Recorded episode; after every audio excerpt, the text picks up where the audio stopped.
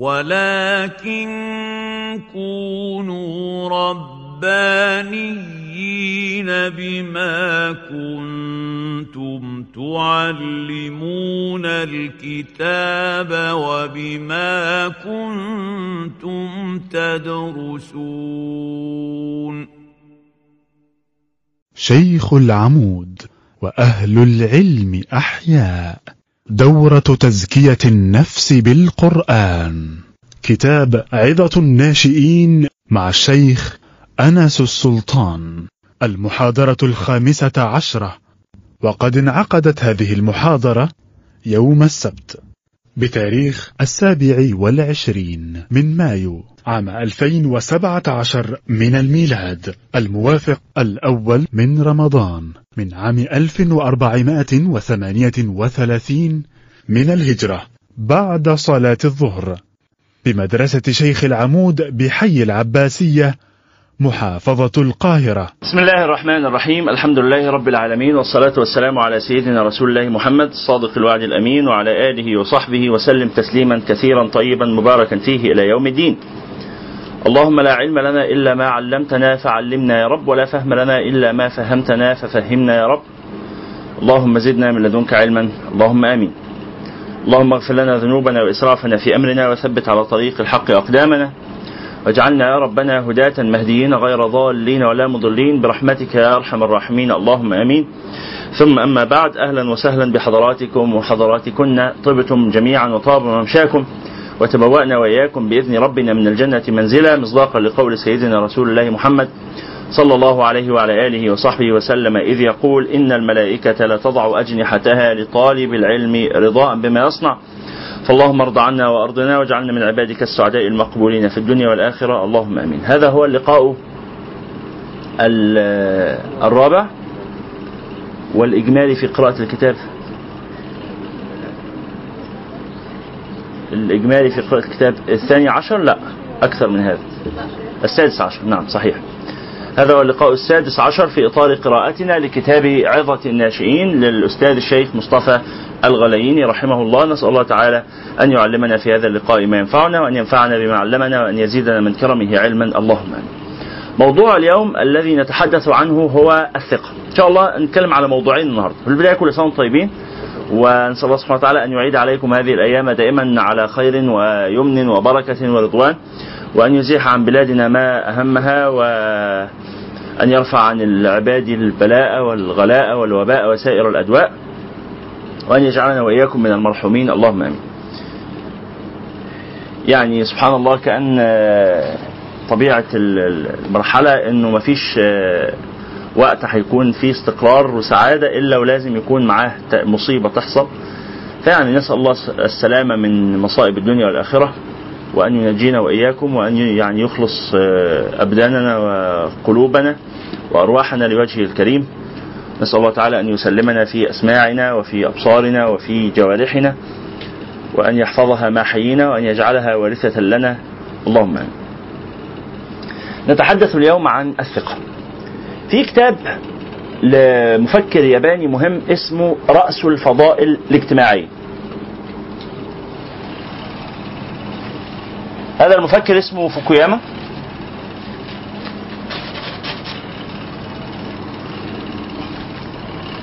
كتاب رأس الفضائل الاجتماعية يقول إنه هو عنوانه كده رأس الفضائل الاجتماعية بين قوسين الثقة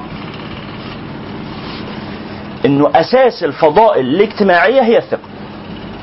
ده اختصار طبعا في أمثلة كثيرة جدا على دول ومجتمعات كيف أنها إذا فقدت الثقة فقد فقدت كل فضيلة وفقدت كل خير. الثقة إذا فقدت على أي مستوى من المستويات على حتى مستوى الأسرة مع بعضها. إذا الزوج فقد ثقته في زوجته إيه إيه معنى حياته معاه فوكوياما وإذا الزوجة فقدت ثقتها في جوزها وإذا الأب فقد ثقته في أبنائه وإذا الأبناء فقدوا ثقتهم في في أبوهم وأمهم وإذا الأخ فقد ثقته في أخوه. وإذا أنا ماشي في الشارع ما عنديش ثقة إن أنا ممكن أوصل يعني إحنا بنتكلم هنا مش على الثقة المطلقة على حد أدنى من الثقة يحفظ الاستقرار في الحياة. يحفظ الاستقرار. فلو أنت عايش حياتك كلها عمالة تتلفت حواليك وتشوف كده آه، جيوبك تطمن إن فلوسك موجودة وإنك أصلا ما تنزلش الشارع بفلوس آه، زيادة أو بفلوس أصلا.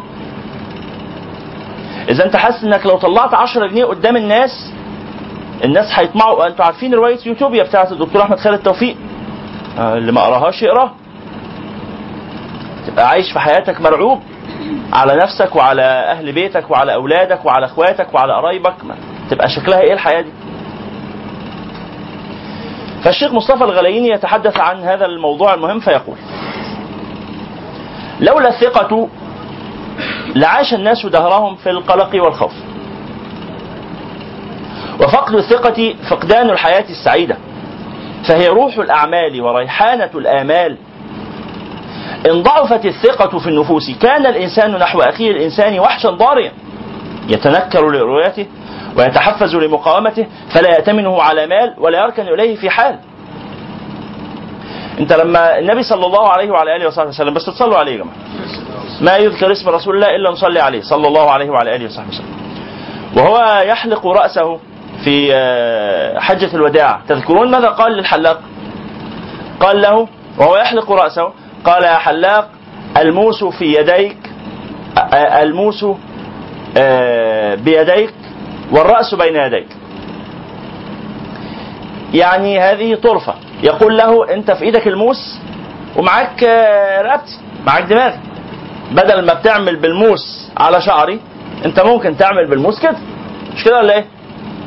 فهو عايز يقول له خد بالك آه، انتبه لما تفعل يعني ركز في شغلك عشان التعويرة اللي ممكن تعورها لي في رأسي ممكن تبقى أخطر من كده. وعايز يقول له معنى تاني. أنا أثق بك. أنا أثق بك ومدي لك راسي وأنا عارف إن أنا ده ممكن يعرضني للموت.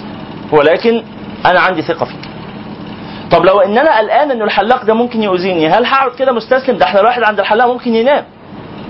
صحيح ولا إيه؟ ممكن تبقى الراجل قاعد عند الحلاق وبعدين عينك تغفل ومش مشكلة. هو لما يخلص شغله آه، كان عندنا أستاذ في في المعهد كان أستاذ إنجليزي. وكان دايما يجي ربنا يمسيه بالخير يعني ولا يرحمه إذا كان عايش ولا ميت. راجل محترم. وكأن دايما يحلق كابوري. وإحنا طلبة المعهد الأزهري يعني ما نقبلش الكلام ده حرام والنبي صلى الله عليه وسلم نهى عن القزع وكده. ف... فما نقبلش المنظر ده. فهو كل لما يجي حالق كان بيبقى مخفف قوي من على جنبه شعره من فوق طويل. فيستفزها المنظر فيقول له يا أستاذ نهى رسول الله صلى الله عليه وسلم عن القزع. يقول يا ابني أنا نمت عند الحلاق وصحيت لقيته عامل كده بس بهدلته. اتخانقت معاه وإحنا كنا نصدق. بعدها بأسبوعين ثلاثة نلاقيه جاي بنفس المنظر. يا أستاذ نهى رسول الله صلى الله عليه وسلم عن القزع. يقول ده أنا ما سبت المشكلة بروح عند الحلاق تعبان. فبنام. أصحى الاقيه مبوظ لي شعري بالمنظر اللي أنت شايفه ده. ففي مرة واحد طالب يعني آه، اكثرنا ذكاء. قال له طب يا أستاذ لما صحيت لقيته مبهدل الدنيا كده من على الجنب. طب ما شالش اللي فوق ليه عشان يبقى كله متساوي؟ يعني انت خلاص هو بوظ اللي في الجناب وانت شفت المنظر كده. طب ما يشيل اللي فوق كمان أنتوا عارفين ان النبي صلى الله عليه وعلى آله وصحبه وسلم نهى عن القزع بمعنى إزالة ش- بعض الرأس بعض شعر الرأس وترك بعضه. والقزع له أنواع منها إنه يشيل الجناب ويسيب اللي فوق أو إنه يسيب اللي يشيل اللي فوق ويسيب اللي في الجناب أو يشيل نص آه، أيمن مثلا ويسيب النص الأيسر أو العكس أو يشيل الأمام ويسيب الخلف يعني أنواع كثيره خلاصتها كده إن الشعر مش منتظم.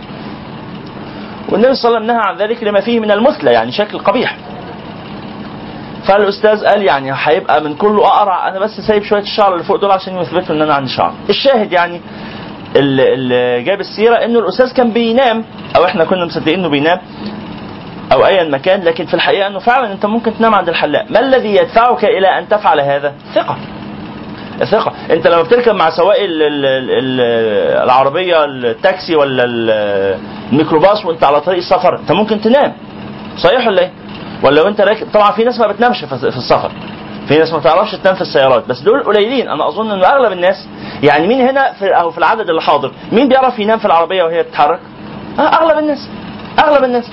وده نعمة من الله سبحانه وتعالى. يعني هو أحلى نوم شوية العشر دقايق اللي بتنامهم وانت رايح مروح على بيتك. وراجع تعبان من الشغل أحلى شوية نوم تنامهم. يعني أنا عادة أو في كتير من الأوقات بنزل من المكتب الساعة 4 4 الفجر. فبكون خلاص يعني استهلكت تماما. فوانا سايق وأنا راكب السيارة الطريق لغاية البيت بي- ربما تلت ساعة نص ساعة. بيكون النوم في هذا الوقت من أسعد ما يكون. أسعد ما يكون وأصحى فايق والحمد لله. النهارده كنت على سفر لسه جاي حالا من من السفر. فوصلت نمت نحو 10 دقائق 10 دقائق بالضبط. واستيقظت منتبه وسعيد والحمد لله أديني جيت نكمل معاكم اليوم فالشاهد وأنت وأغلبنا لما بننام في في الميكروباص ما الذي يدفعك إلى هذا؟ أنتوا معايا ولا لا يا جماعة؟ إنك عندك ثقة في مين؟ في السواق. انت مش واخد بالك من المعاني دي؟ يعني انت مش لما بتركب تقول أنا واثق فيك وأنا بدعمك وأنا مؤمن بيك وبأيدك في قضيتك يعني انت مش منظر للمسألة. مش منظر للمسألة. لكن الواقع إنك لما بتركب أنت واثق في السواق. انت انت لما بتسيبي ابنك في الحضانة الأمهات اللي معانا لما بتسيب ابنها في الحضانة هي ليه سايبة ابنها هناك؟ عشان واثقة في المدرسين وواثقه في المؤسسة وواثقه في المكان. أنتوا ليه جايين قاعدين هنا دلوقتي؟ عشان في شيء من الثقة. ها يسمح إن أنتوا تشوفوا والله المكان ده. يصلح إن إحنا نتعلم منه ولا المدرسين اللي فيه يعني ربما يكون عندهم علم أو أو كده. أنا ليه حاجي هنا؟ لو كنت حاسس إنه في قاعد في وسطكم ناس ربما يؤذوني ما كنتش حاجي غير لو أنا واثق. واثق في حضراتكم رغم إني ما أعرفكمش. هو ده الحد الأدنى من الثقة. اللي في أوقات الاضطرابات يختلف. الناس لما يبقى في اضطراب عام يعني المساحة الخطيرة اللي لو تآكلت يتآكل المجتمع هي مساحة الثقة. إن يبقى المجتمع مضطرب لدرجة إن أنا مش واثق إن أنا لو نزلت من البيت وسبت مراتي لوحدها هتبقى قاعدة في أمان. أو أنا قاعد مع أمي وسبت أمي ال- ال- الكبيرة في السن لوحدها هتبقى قاعدة في أمان، ده ممكن حد يدخل يهجم عليها ولا يسرق حاجة من البيت. لما نوصل للمرحلة دي زي عشان كده أحلتكم لرواية الدكتور أحمد خالد توفيق، هنا ده خلاص رعب تفقد الحياة معناه، ما تعرفش تعيش. ولذلك هو ده مثلا التمايز ما بين أوروبا وأمريكا. أوروبا مستقرة. الناس تعرف تنزل تتحرك في الشارع بشيء من الأمان نسبيا مقارنة بأمريكا لا مستوى الأمان مرعب. اليابان من أعلى دول العالم تميزا بهذا المعنى فكرة الثقة. إنه آه انت تقدر تنزل الساعة خمسة الفجر وأربعة الفجر تتحرك لوحدك في الشارع حتى لو الشارع ضلمة وما تحسش بأي مشكلة. مستويات الجريمة منخفضة جدا جدا جدا. والقتل وال- والسرقة والحاجات دي موجودة. مفيش مجتمع يخلو من هذا. أنا قلت لحضراتكم المرة اللي فاتت على ال normal curve صحيح؟ شرحنا ال normal curve المحاضرة اللي فاتت. اللي ما كانش حاضر معانا ممكن يسمع التسجيل هيفهم. أو نقول المنحنى الطبيعي أو المنحنى الجرسي. المنحنى الناقوسي. شرحنا الكلام ده. إيه؟ اللي قبل اللي فاتت؟ طيب المحاضرة قبل اللي فاتت. شرحنا المنحنى الناقوسي أو المنحنى ال- الجرسي. اللي هو إنه أي مجتمع بيبقى تشكيل بيبقى توزيعة الجرائم فيه أو توزيعة أي ظاهرة من الظواهر بتكون على شكل منحنى. بيبدأ صغير ويعلى وبعدين ينزل ويكمل شوية صغيرين. في شوية هنا وفي شوية هنا والاغلب في النص. شوية اللي هنا دول متطرفين صالحين جدا جدا جدا. وشوية اللي هنا متطرفين أشرار جدا جدا. وأغلب الناس في النص. الفكرة إيه؟ إن المنحنى ده على بعضه بيتحرك يمين أو بيتحرك شمال. واضحة الفكرة دي؟ بمعنى إنه ممكن يكون أغلب المجتمع متوسط. بس متوسط ما بين قتالين قتلة بيقتلوا كل يوم 50 واحد وصالحين ما بيقتلوش كل أربع أيام واحد. فمتوسط المجتمع لا يعني في الرنج الطبيعي إن بنقتل كل أسبوع اثنين ثلاثة يعني إيه في الإطار المعتاد. أيوه اسمه اسمه متوسط المجتمع أغلب المجتمع متوسط أغلب المجتمع مش متطرف. ده الطبيعي المجتمعات كلها كده. ما بيبقاش أغلب المجتمع متطرف بيبقى أغلب المجتمع متوسط. يبقى قليل متطرفين اللي هم بيقتلوا 50 واحد في اليوم وقليل قوي اللي هم الصالحين اللي ما بيقتلوش غير واحد كل شهرين ثلاثة أغلب المجتمع متوسط بس المتوسط ده على بعضه بيحصل له إيه؟ واضحه واصله الفكرة دي؟ فلما المجتمع المتوسط العام بتاعه يبقى مضطرب ومختل أفراد المجتمع دول ما يحسوش بأمان. كتاب الدكتور ال- ال- المهندس مالك بن نبي اسمه ميلاد مجتمع. ميلاد مجتمع. بيقول فيه باختصار شديد إنه المجتمع القوي والمجتمع الضعيف. إيه الفرق بينهم؟ المجتمع القوي هو اللي شبكة علاقاته الاجتماعية قوية. شبكة العلاقات الاجتماعية اللي هي إيه؟ اللي هي أنت تعرف قد إيه معلومات عن كام واحد؟ وكام واحد يعرف قد إيه معلومات عنك؟ مش معلومات سطحية. عمق المعلومات. ها؟ وأنت بتتواصل مع كم إنسان تواصل عميق. وكم إنسان بيتواصل معاك تواصل عميق. شوية المعادلات دي لما نحطها على بعضها كده تكون لنا شبكة. الشبكة دي بتقول إن المجتمع مترابط أو إن المجتمع اجزاء مفككة فيها مساحات أهي يدخل منها يعني خلافات و... أو إن المجتمع لأ أجزاءه بعيدة خالص أو إن المجتمع متناثر أو ان مفيش مجتمع. مش معنى إن مجموعة أشخاص قاعدين جنب بعض إن دول مجتمع. مش كل شوية ناس قاعدين مع بعض يبقوا مجتمع. ليس المجتمع هو مجرد تجمع مجموعة من البشر في مكان واحد. وإلا هل مثلا وإحنا راكبين الميكروباص في محطة محطتين ثلاثة ولا من هنا مثلا إلى بيتنا في الهرم إحنا كده اسمنا مجتمع الميكروباص؟ هل ده كده مجتمع؟ مش مجتمع.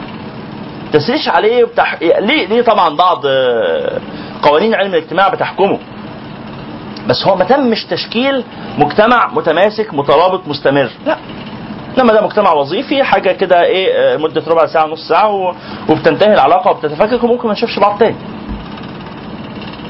فلما تبقى شبكة العلاقات الاجتماعية في في في مجتمع ما قويه يبقى ده مجتمع قوي.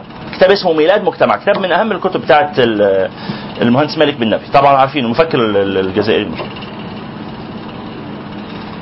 فالشاهد يا أساتذتنا الكرام تاني إحنا بنتكلم على الثقة، نرجع نشوف كلام الشيخ مصطفى الغليني. قال إن ضعفت الثقة في النفوس كان الإنسان نحو أخيه الإنسان وحشا ضاريا يتنكر لرؤيته ويتحفز لمقاومته فلا يأتمنه على مال ولا يرتكن إليه في حال التجارة مدار الحركة الاقتصادية وهي مبنية على تبادل الثقة. فإن أمن بعضكم بعضا فرهان مقبوضة ولولا ولولاها لكسدت الأموال ووقف دولاب الأعمال فكان من ذلك شقاء الحياة وضيق دائرة الرجاء. وأي عاقل يقدم على تسليم أمواله إلى من لا ثقة له به إن هذا لضرب من الجنون العظيم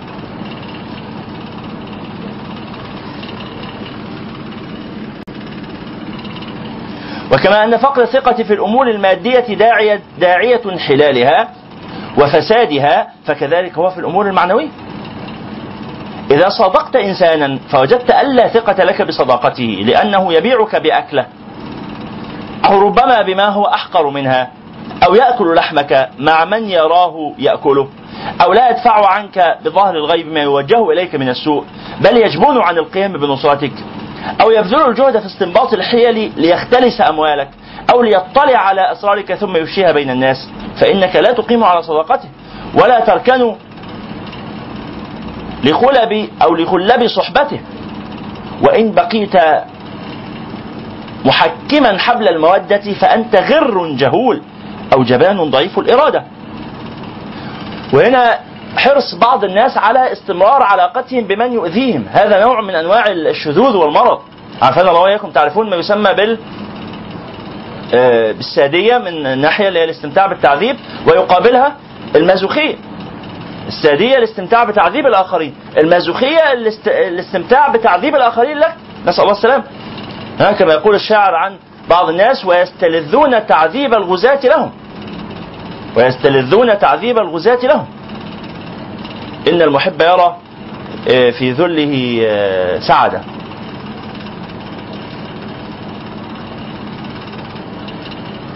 لنا ملوك. تعرفون هذه القصيدة؟ قصيدة البردة. لتميم البرغوثي يقول لنا ملوك بلا دين. إذا عبروا في جنة أصبحت من شؤمهم جردا. لا يغضبون ولا يحمى لهم آه، حرم. يعني إلى آخره. يقول آه، أظفارهم في ذوي الأرحام ناشبة وللأعادي ابتسام يظهر الدرد لما مع الأعداء تلاقيه مبتسم كده وجميل وحنين ومع أولي الرحم تلاقيه غضنفر ما شاء الله. قصيدة حلوة اسمعوا أو شوفوا اقروا. فنسأل الله السلامة لكن الإنسان مستقيم الفطرة. لما يجد الأذية من إنسان ينبغي أن هو يتركه ويبتعد عنه ويحمي نفسه منه. وما تقولش لا أنا هكمل معاه حرصا عليه. فإنك ينبغي أن تكون حريصا على نفسك أنت أيضا. ها؟ ينبغي أن تكون حريصا على نفسك. أنت والله بقول أنا هكمل مع هذا الإنسان حرصا على أن هو أساعده أن يكون أفضل. طب ما أنت بتساعده يكون أفضل وهو بي- بيطير لك حياتك. عارفين آه، كنا نشبه تشبيه مهم أو معبر عن هذا الحال لما تكون حضرتك واقف على شط البحر وفي إنسان بيغرق. وأنت غير قادر على السباحة. هل يجوز لك شرعا أن تقفز في الماء لإنقاذه؟ طب هيموت. هيموت. أنت هتفضل كده سايبه يموت؟ أيوه. هتعمل إيه يعني؟ تدعي له ربنا يلطف بيه لكن أنت لو نزلت هتموت معاه. ببساطة يعني. هتموت معاه. طب هل يكفي إنك بس تبقى بتعرف تعوم عشان تنزل تنقذه؟ لا. في حاجة اسمها دورات إنقاذ. في حاجة اسمها إنك تبقى مدرب مش بس على إنك تعرف تعوم. على إنك كمان تعرف تنقذ لأنه تعرف الإنسان ال- المنقذ مثلا أول حاجة بيعملها لما بينزل ينقذ الإنسان من الغرق. أول حاجة بيعملها إيه؟ بيخبطوا على دماغه خبطة تخليه يغمى عليه. يغمى عليه. ليه؟ عشان ما يقاومش. لأن المقاومة دي هتغرق الاثنين فأنت هتنزل لا أخبطوش لا لا ده صاحبي يا حبيبي أخبطوش. ما تخبطوش هتغرق يا ابني أنت وهو. ها؟ مش الشاعر بيقول فقسى ليزدجروا ومن يك حازما فليقسى أحيانا على من يرحمي يخبطوا خبطة بيخبطوا بيخبطوا فوق دماغه كده من ورا. في مكان معين هو مدرب عليه. ها؟ ف... وبالتالي فأنت لو غير قادر على إنقاذ ال... طب بلاش. أنت قادر وبتعرف تعوم ومعاك دورات إنقاذ بس الموج عاتي وفي دوامة. ها؟ وواحد بيغرق. هل يجوز تنزل تنقذه؟ رغم إنك معاك الأدوات بس ما معاكش الأدوات المناسبة للحال. ها؟ انت معاك محتاج سفينة. روح له بسفينة إذا معاك سفينة ما معاكش سفينة الله يرحمه. الله يرحمه الله يلطف بيه. أنا مالي. ها؟ لكن تستمر علاقتك بواحد مدمن وتقول آه، أصل أنا لما صاحبه إن شاء الله أساعده على ال... يعني هو يديني حتة حشيش وأنا أخليه يصلي معايا. يعني أساعده على الصلاة وهو. يساعدني على الهيروين. لا ما أنا مش هتشد ما أنا حاسبك. ما إزاي يعني؟ إزاي؟ وأنت تملك نفسك حاضر. وأنت تملك نفسك صاحبتك عندها علاقات سين وصاد وعين وغين. تقولي أنا مكملة معاها بس ما ما ماليش في الطريقة بتاعتها دي. ها؟ بس هي والله كويسة. هي من جواها كويسة. أنا بحاول معاها عشان تكون أفضل إن شاء الله. أيوه ما هو اثناء ما حضرتك بتحاولي معاها. هيحصل عندك تطبيع مع المعصية. تطبيع مع المعصية اللي هو إيه؟ اللي هو عادي. اللي هو لما تعرفي بعدين إنه في واحدة بتعمل وبتعمل بتعمل ما تستنكريش الأمر. إنما تهوني منه. عادي ما بيحصل. وانت شخصيا لما تقعي في مصيبة زي كده ما تسارعيش بالتوبة وال- والتراجع من باب إنه إيه؟ عادي ما بيحصل. فاهمين المعنى ده؟ هو ده التطبيع مع المعصية. إيه في المعصية. إن يبقى يتحول المنكر إلى عادي. إلى عادي. زي الممثل الفاجر اللي طالع من كام يوم في التلفزيون ومتصور بال بال بتاعة الخمر كاس الخمر. يقول أيوه أنا بشرب وعادي وأنت بتشربي وإحنا بنشرب و... وكلنا بنشرب ويلا. وعادي يعني إحنا بشر كأن بشر معناها بنشرب خمر. ها؟ يحصل لنا إيه بقى لما نشوف ال- ال- الفجر ده؟ يحصل لنا إنه عادي. وعلى فكرة ده محترم. هو كويس. ومفيش إنسان بيخلو من عيب. ومتصالح مع نفسه. أتصالح مع نفسي أظهر عيوبي. أتصالح مع نفسي أنزل أمشي في الشارع عريان. أقول والله بص أنا ما عنديش حاجة أخبيها. أنا عندي شفافية مطلقة. أهو. امال افضل أخبي واكلفت واداري عيوبي؟ لا أنا لا أخبي سوءاتي يا فندم. أهو أنا كده. واللي يقبلني زي ما أنا يقبلني واللي مش عايز يقبلني يبقى أنت حمار يا ابني. أنت عبيط. الله سبحانه وتعالى قال انزلنا عليكم لباسا. مش هو الممثل هو ال- الفكرة دي. ربنا قال وأنزلنا عليكم لباسا يا بني آدم إيه؟ قد أنزلنا عليكم لباسا يواري سواتكم استر نفسك. استر نفسك. يواري سواتكم وريشة. تتزين كمان مش بس تستر نفسك يا ريت كمان يعني تبقى شكلك حلو تتزين. يبقى لباسا يواري سواتكم دي وظيفة وريشا دي زينة. فتجمع بين الوظيفة والزينة. ولباس التقوى ذلك خير. ذلك من آيات الله. من آيات الله إنك تبقى مستور كده وتبقى محترم و... اللي تفرق يعني البهاي تفرق يعني البهاي م? لكن يقول لك أنا متصالح حاضر فانا متصالح مع نفسي واللي في قلبي على لساني. ما ينفعش. وهو ربنا سبحانه وتعالى لو عايز اللي في قلبك يبقى يبقى على لسانك. طب كان يبقى يخلق لك قلب ويخلق لك لسان. ما يخلق لك حاجة واحدة فيهم. ها؟ لو إحنا بنتبادل الأفكار لو لو ربنا سبحانه وتعالى عايزنا اللي في قلبنا يبقى على لساننا. كان خلى آه، دماغنا تتبادل الأفكار دماغيا كده. إن أنا أول ما دماغي تيجي جنب كده أبص لك أعرف أنت جواك إيه. هو ده لو حصل الحياة تعرف تمشي؟ اللي متجوزين هيتطلقوا وال والابات هيشردوا عيالهم في الشوارع والمديرين هيفصلوا الموظفين اللي عندكم. الدنيا هتخرب أنتوا لو لو أنا قاعد دلوقتي معاكم وبعدين عرفتوا إن أنا جوه دماغي بفكر إن أنا زهقان الصراحة من القعدة وعايز حقيقة يعني. خلاص؟ وعايز أروح أشوف عندي بتاع كتاب محتاج أقرأه لازم أخلصه النهارده. ها؟ مش عارف. ما أول ما بشوف واحد كده أول ما دخل الباب كده بصيت كده. بطيقش منظره. تقول بقى الشيخ وبيغتاب الناس حتى جوه دماغه انت المفروض تحب كل الخلق لا مش المفروض يحب كل الخلق عادي في ناس ما يتحبوش. في حاجة اسمها قرف أنتوا معانا ولا مش معانا؟ ولا إيه الموضوع؟ مش تصلوا على النبي؟ مش معانا؟ مش معانا ليه؟ انت بتحب كل الناس؟ آه فعلا بتقدر؟ حتى أنا بعد الكلام اللي بقوله ده تقدر تحبني؟ ما تقدرش. لا مفيش يا اخوانا ده مش موجود. مفيش حد في الدنيا يقدر يحب كل الناس. ها? حب بمعنى الشوق والفرحة بلقائه لا. انت ممكن تقبل تت- يعني تتقبل تتعايش لكن المحبة دي حاجة قلبية. في واحد كده أول ما تشوف منظره اتم. اتم. وممكن يكون ناس بيقبلوه بس هو اتم بالنسبة لك. هيفضل اتم. ما بقولكش تروح تقول له يا اتم ولا تقول له بقى بص أنا في قلبي على لساني أنا بطيش أشوف منظرك ما تجيش أنا تاني. مش كده قول له السلام عليكم وعليكم السلام وخلاص وخلصنا. ما تخلوش صاحبك وما تروحش تتفسح معاه وتتغدى معاه. تعامل معاه في حدود التعامل. إيه ليه؟ ليه النفاق؟ وحتى ل- لو صاحبته. لو صاحبته يعني ورحت معاه لا مش نفاق. ممكن يكون ليا عنده مصلحة. أيوه. هو ده. هو ده درس تزكية ولا ده شرع ولا ده دين ولا انت؟ أيوه والله ده شرع أيوه ده شرع. آه اللي أنا بقوله ده شرع. النبي صلى الله عليه وسلم. أصل إحنا عندنا ساعات تصورات عن الشرع كده إيه قلت لكم الفكرة دي قبل كده كرتونية. اللي هو الإنسان المتدين ده أكيد إيه؟ لازم يبقى صوته منبح كده. لازم يبقى بيتنهد في كل كلام وبيحب يحب الناس كده مش صحيح؟ مش صحيح؟ عادي يعني ممكن يبقى فا- فايق وبيتحرك في الحياة ويفضل متدين. النبي صلى الله عليه وسلم صلوا على النبي.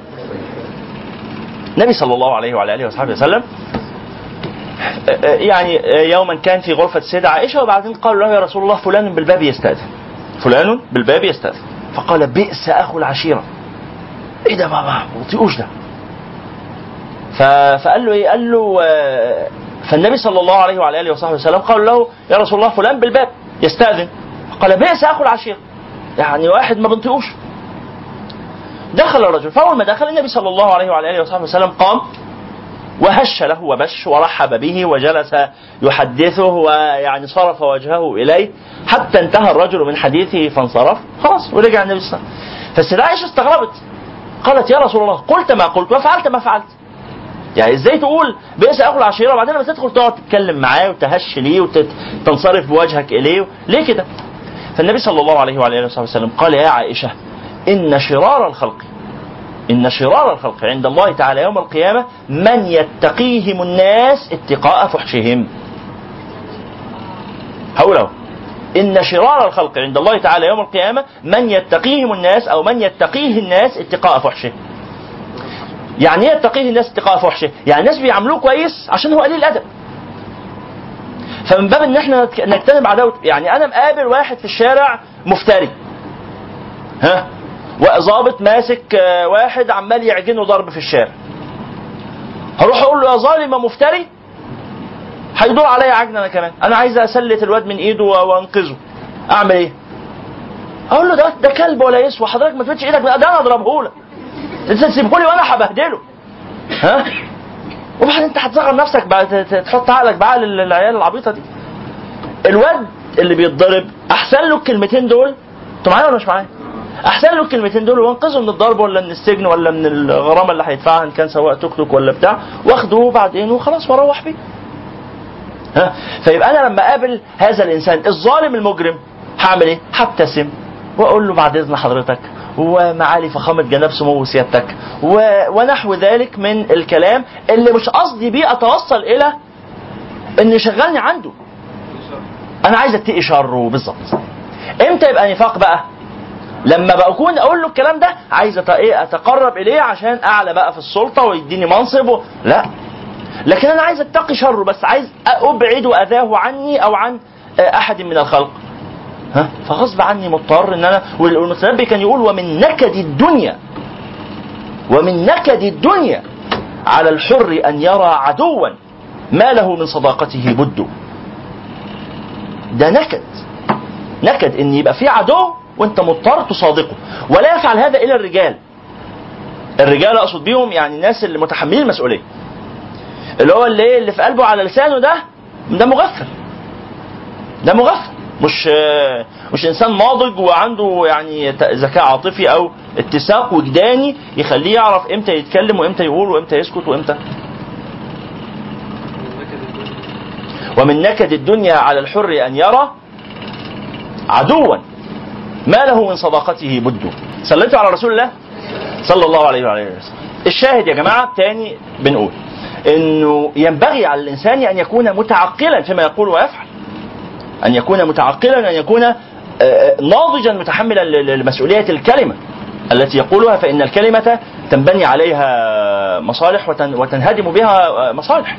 تقوم الدنيا بكلمة وت- وتهدم الدنيا بكلمة وتحترق الدنيا بكلمة وي- ويتأسس البيوت بكلمة و... و... ويتزوج رجل من زوجته بكلمة ويطلقها بكلمة ويبيع بكلمة ويشتري بكلمة. كلمة كل دي كلمة. كبرت كلمة. هو قائله. ومن ورائهم برزخ نعم. قال الغاش حاضر. الغاش في عمله يميت ثقة الناس به فلا يقبلون على تجارته ولا يحفلون بصناعته ولا يأبهون لعمل من أعماله. في حاجة اسمها أستاذ من أساتذتي كان آه، بياخد الدكتوراه بتاعته من روسيا في الهندسة. دكتور حامد ربيع. لعل يعني البعض يعرف. كان بياخد دكتوراه من الاتحاد السوفيتي. الكلام ده يمكن سنة آه، أواخر الستينات بدايات السبعينات. لا يمكن بعد كده كمان بعد كده. المهم خلص الدكتوراه وكان راجع هو وزوجته. فشاحنين آه، مكتبة خشب كده لتخزين الكتب.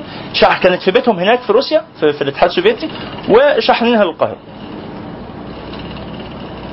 لما وصلت وشاف وهو بيستلمها في المينا قال الآن أقول إنه الاتحاد السوفيتي سينهار قريبا.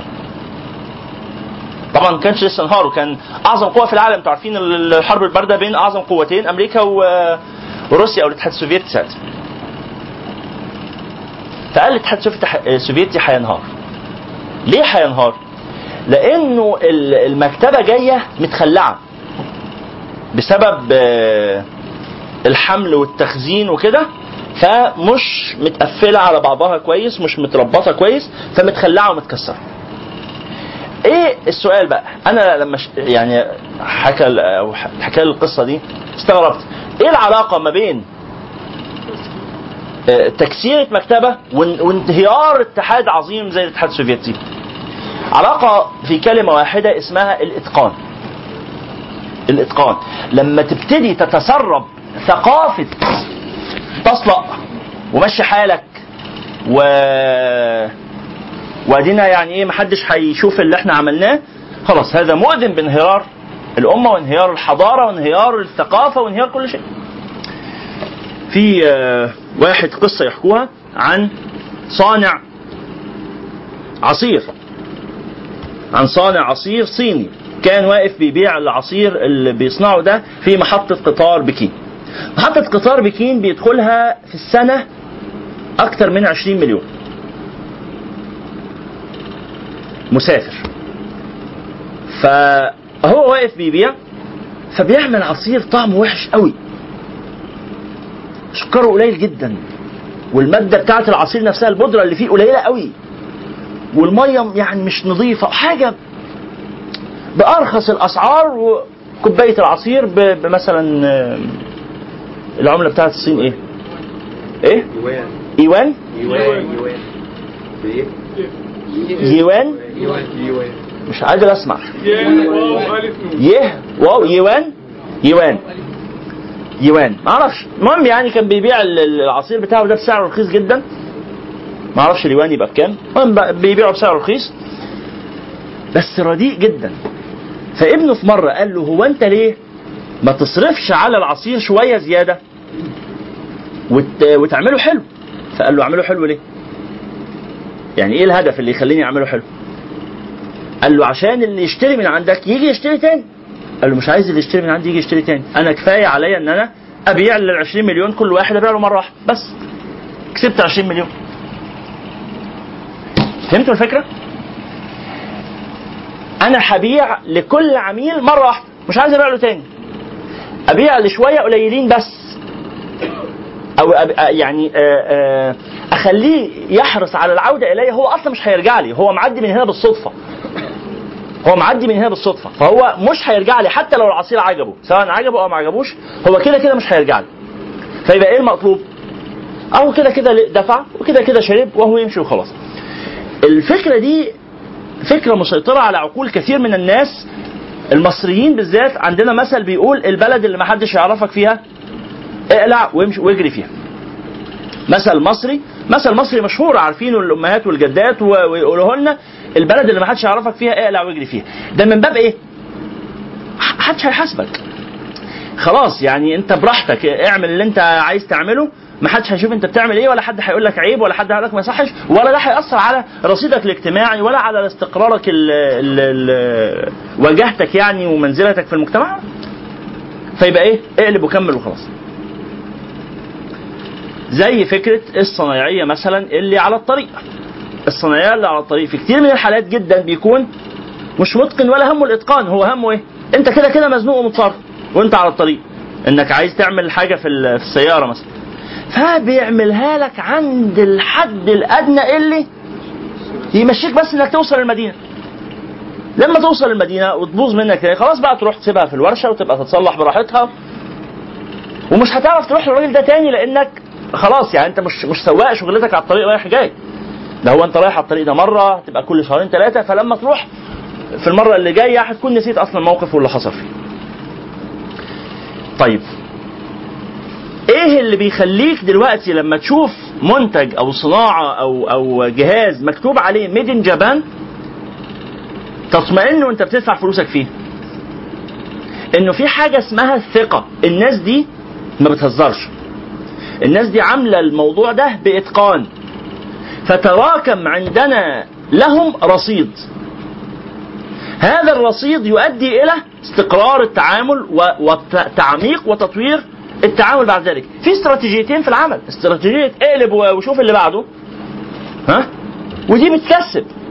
بس دي ما تعمل ما تعملش علاقة قوية. ده انت بتكسب على المدى الايه؟ آه القصير الوقتي بالظبط.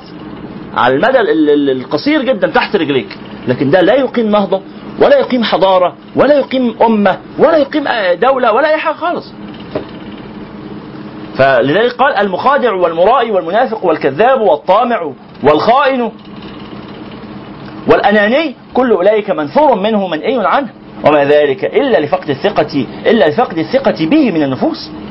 فالمخادع يريد بك المكروه من حيث لا تعلم وهو يظهر لك الحب وإرادة الخير. فمتى علمت آه، آه، بختله ختله يعني خداعه. فمتى علمت بختله ومكره نفرت منه لضعف الثقة به. والمرائي يريك خلاف ما هو عليه يكون فاسقا سافلا فيريك أنه صالح عليه. ويكون دنيئا ساقط الهمة فيريك أنه شريف النفس, النفس ناهض العزيمة. ويكون آكلا أموال الناس بالباطل فيريك أنه أمين على ما يستودعه من من مال ويكون ويك- ويكون فيريك أنه على خلاف ما يكون. ومتى عرفت ما هو منطوي عليه من الأخلاق السافلة؟ لفظته لفظ النواة. لأنك النواة لما تأكل البذر لما تاكل أي مشمش ولا آه، آه، بلح تمر ولا أي حاجة ليها ولا البطيخ بتعمل إيه في البذر؟ يجمع في بقك كده فتدفله ت- تلقيه تبعده عنك. ويكون ويكون في آه لفظته لفظ النواة لأنك لا تثق به. والمنافق كالمرائي في أن كل منهما يبطن خلاف ما يظهر إلا أن خلقه أسفل لأنه لا يكون قاصرا على المنافق. والمنافق له فالمرائي يريك ما يريك لتميل إليه وتعتقد فيه الاستقامة والمنافق يستر اعتقاده الدينية أو الاجتماعية.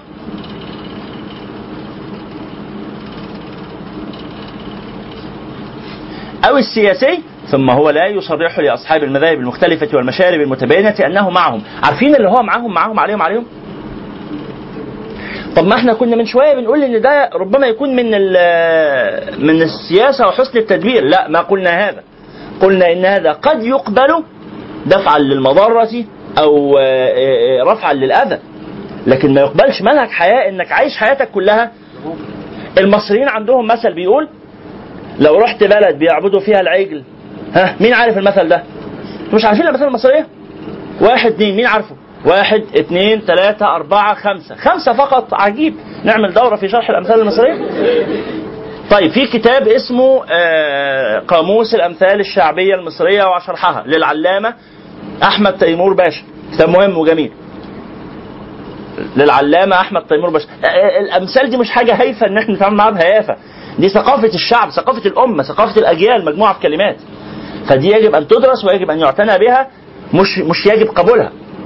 مش يجب قبولها لأنه في كتير آه، طبعا علم الاجتماع. في كتير منها مرفوض. فالأمثال لازم يعتنى بها. وكمان ال- قلت لكم قبل كده على ال- العبارات اللي بتكتب على الميكروباصات وال- والتكاتك والعربيات اللوري. دي دي عبارات مهمة بتختصر وجدان الشعب وبتختصر ثقافة الناس. العين صابتني. ورب العرش نجاني. آه، مكتوب على كل السيارات. هو مسكون بالخوف من الحسد. والنهاردة يمكن نتكلم عن الحسد أو المرة اللي جاية. مسكون بالخوف من الحسد. دي ثقافة لازم نتعامل معاها ونفهمها.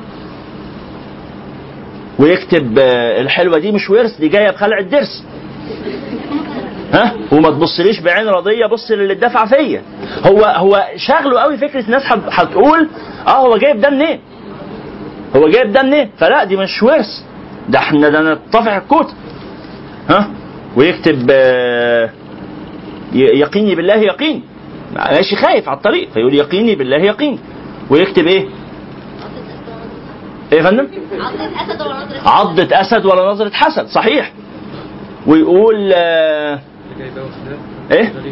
إيه اللي جايباه واخداه وإحنا شغالين لله اللي جايباه واخداه وإحنا شغالين لله. الله يفتح عليك أشكرك. بارك الله فيك وجزاك خيرا. نعم. يعني أنا سعيد جدا بهذه الملاحظة الدقيقة. اكتب يا شيخ محمود اكتب. اكتب الفوائد العلمية الم- الم- الماخوذه من الشيخ محمد عبد المعز. اللي جايباه واخداه وإحنا شغالين لله. حلو. حلوة جدا. ده يعني أنا أكتبها على فيسبوك النهارده حكمة اليوم. أيوه ده أ- ورقة. الله يخليك. ورقة. شكرا جزيلا. شكرا جزيلا. اللي هكتب بالعامية أستغفر الله. أنا اتحرج جدا من الكتابة بالعامية. هذا مما لا يليق شرعا ودينا. التي تأتي به تأخذ به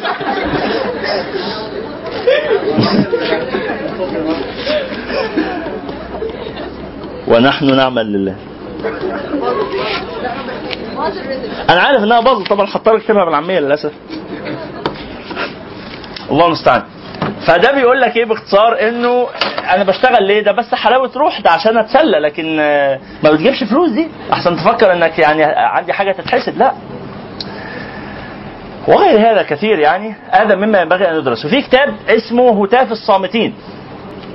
للدكتور سيد عويس رحمه الله بيدرس فيه ال- ال- ال- العبارات المكتوبة على ظهر المركبات في مصر من أول العربيات الرول اللوري للعربيات الأتوبيس للاجره للميكروباص لل ما كانش لسه في توك توك أيام كتابة الدراسة لكن هو التوك توك يعني أظن إنه ملوش معجم مختلف يعني.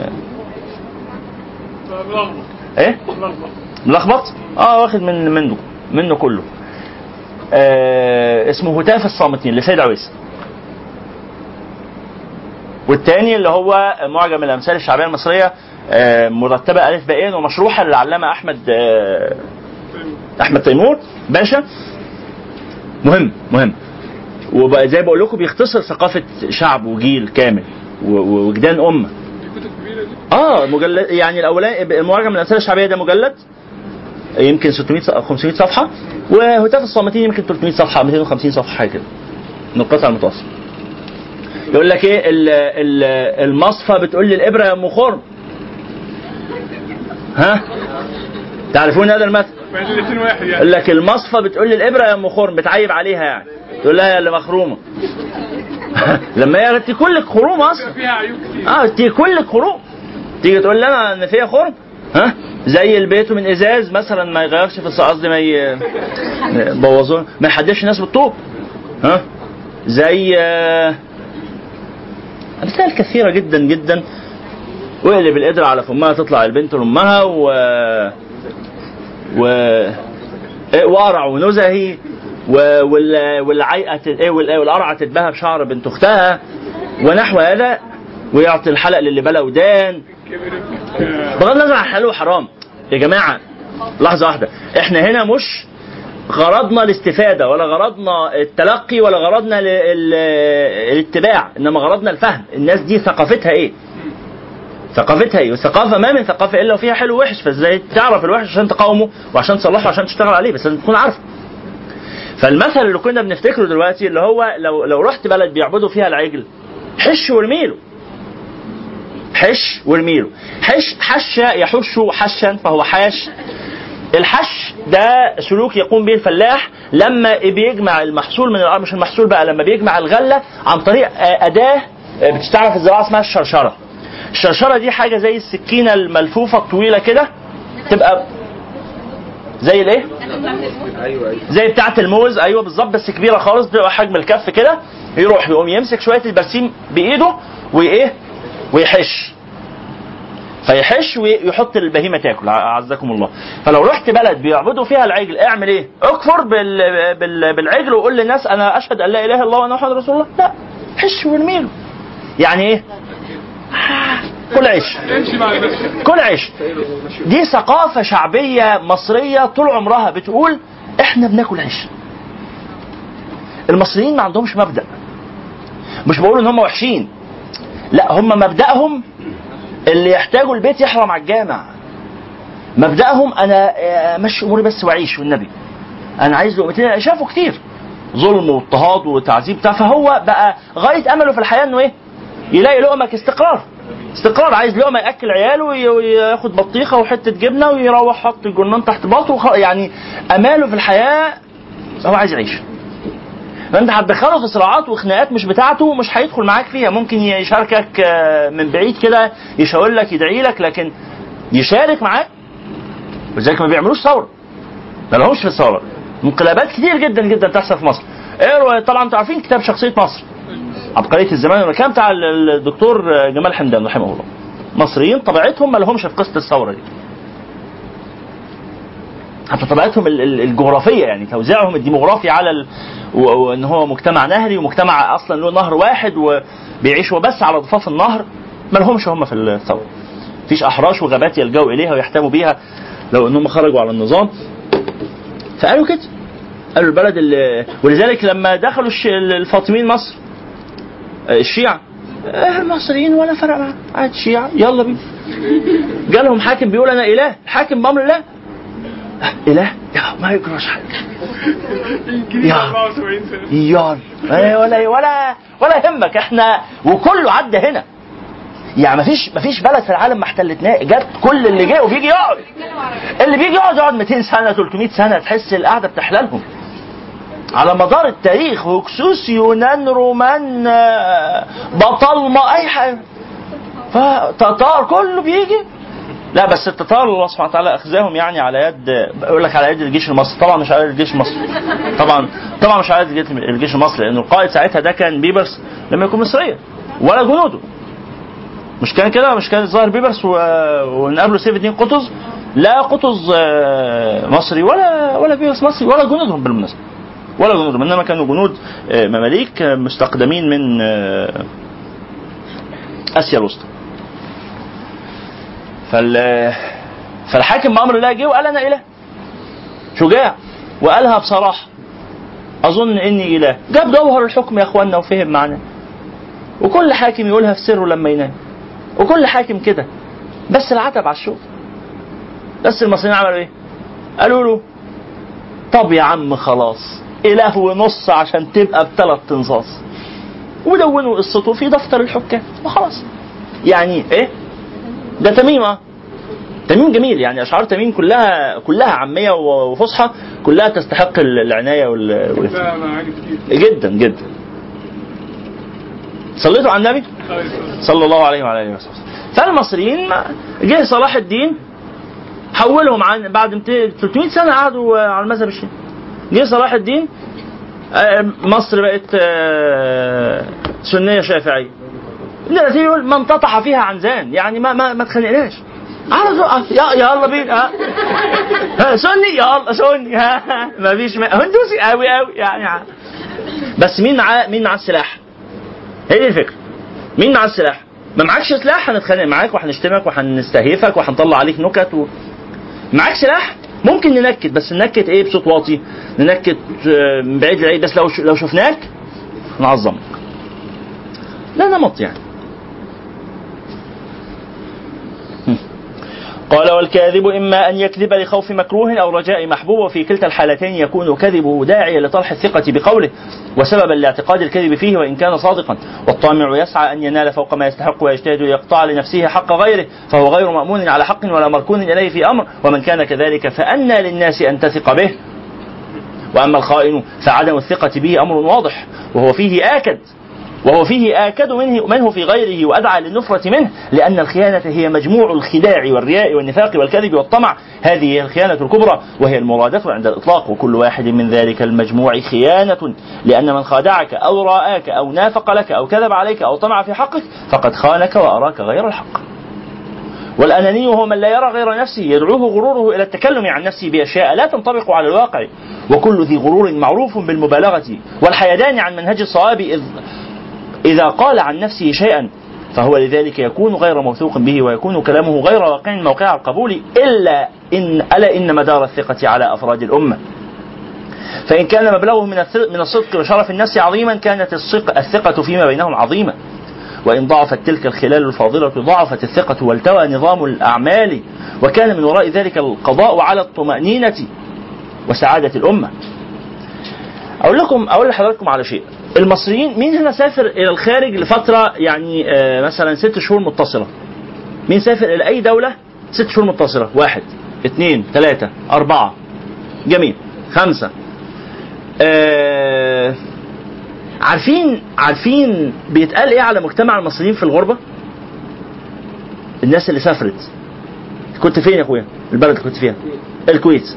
مجتمع المصريين في الكويت عامل إزاي مش مش حاجة كويسه مش حاجة كويسة. تقريبا أسوأ تقريبا يعني. أسوأ مجتمع في الغربة وأسوأ ناس مع بعض في الدسائس اللي ضد بعض لأن هو كل واحد عنده إحساس إنه أنت جيت ليه؟ ده أنت جاي تاكل من لقمتي.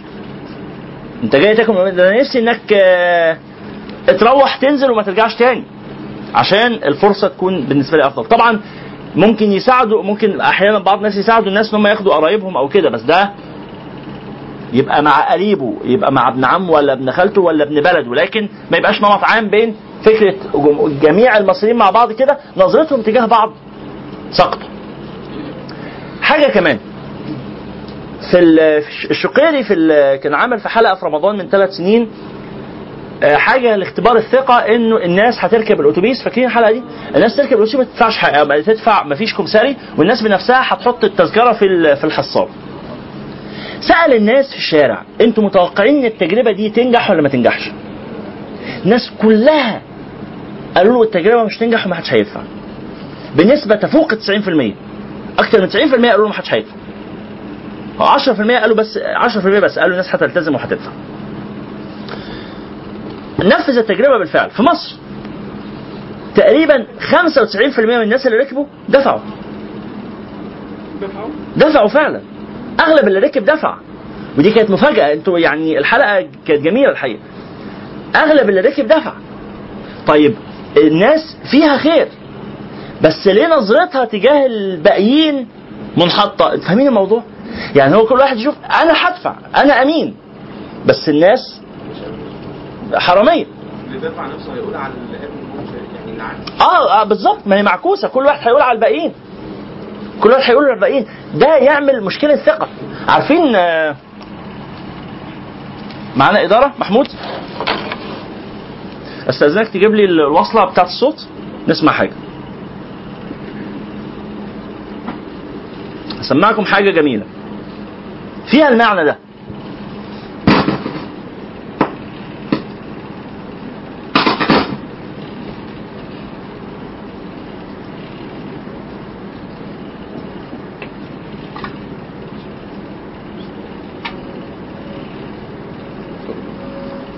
شكرا. طب ليه؟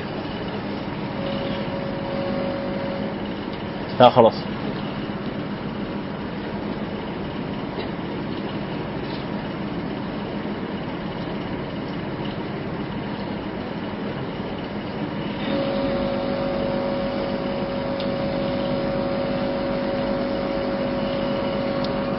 هي ليه الصوت بيعمل كده؟ هل هو فوق مش متثبت كويس مثلا؟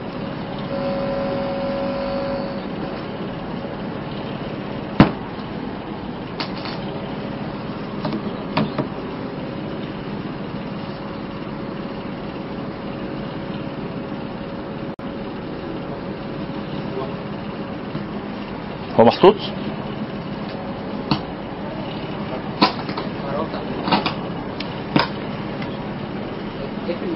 سرب غزلان. تمام. لا خلاص كده. اسمعوا هذه قصيدة جميلة. فيها المعنى ده. الدولة. اسمها الدولة. الدولة. ضبع تهاجم سرب غزلان فتهرب كلها. رسمت حوافرهن عشرة أفرع في الأرض عشوائية.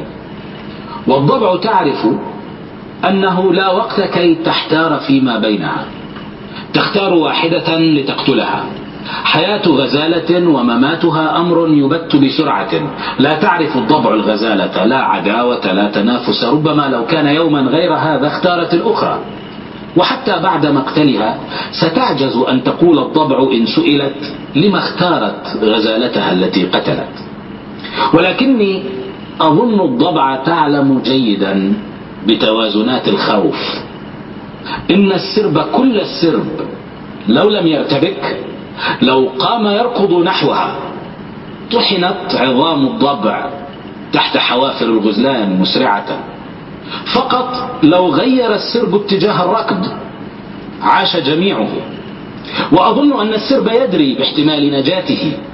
لكن كل غزالة تخشى تخاذل أختها. لو أنها فعلت فتخذل أختها. والأخت خائفة هي الأخرى فتسلم للردى تلك التي خذلت. فتحيا كل واحدة بمفردها وتقتل كل واحدة. بمفردها. ولكن ربما ولرحمة الله الكريم عباده هجمت غزيلة على ضبع بلا تفكير. وتتابعت من بعدها الغزلان مثل تتابع الأمطار في وديانها. في هذه اللحظات تعلم أن حسنا ما عظيما سوف يأتي. ربما ولد يكلم أهله في المهد أو يتنفس الصبح الذي في سورة التكوير. لا أقصد التشبيه أو سبك المجاز ولا أشير لثورة عبر البلاد فقط أريد القول والتذكير. هذا الكلام حقيقة علمية يا أهلنا. الضبع أضعف من فرائسها وأجبن منهم بكثير. الدولة. شكرا جزيلا تميم البرغوثي على حضورك معنا. هذا الكلام حقيقة علمية يا قومنا. الضبع أضعف من فرائسها. هذا حقيقة. هذه حقيقة. محمود معنا خالد؟ ت- تحط لنا المايك.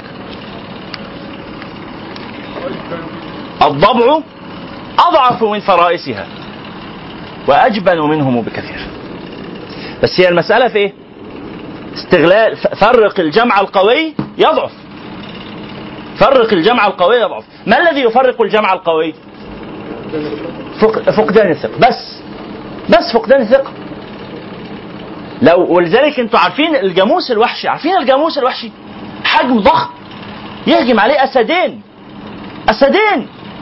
يفرقوا ال- القطيع. أنهي أقوى الجاموس الوحشي ولا ولا الأسد؟ بدنيا. أنهي أقوى؟ جاموس طبعا. الجاموس. لكن الأسد عنده عمل جماعي. فيروحوا أسدين مع بعض أو ثلاث أسود مع بعض في الغالب أو دايما بيكونوا الإناث. ثلاثة من الإنا- اناث الأسود. نعم؟ تسلم يا محمود خلاص. ثلاثة من اناث ال- ال- الأسود مع بعض يروحوا يهجموا على السرب يختاروا حتة ضعيفة يفرقوا السرب ياخدوا جاموسة واحدة يهجموا عليه يخلصوا عليه عمل جماعي. فثلاثة يغلبوا آه، 500 مش كده ولا إيه؟ مش ده اللي بيحصل في عالم الحيوان بنشوفه؟ طب لو إنه عالم الجاموس ده تماسك؟ في شيء؟ طب آه، يعني أخويا لو ممكن بس بمنديل أو شيء؟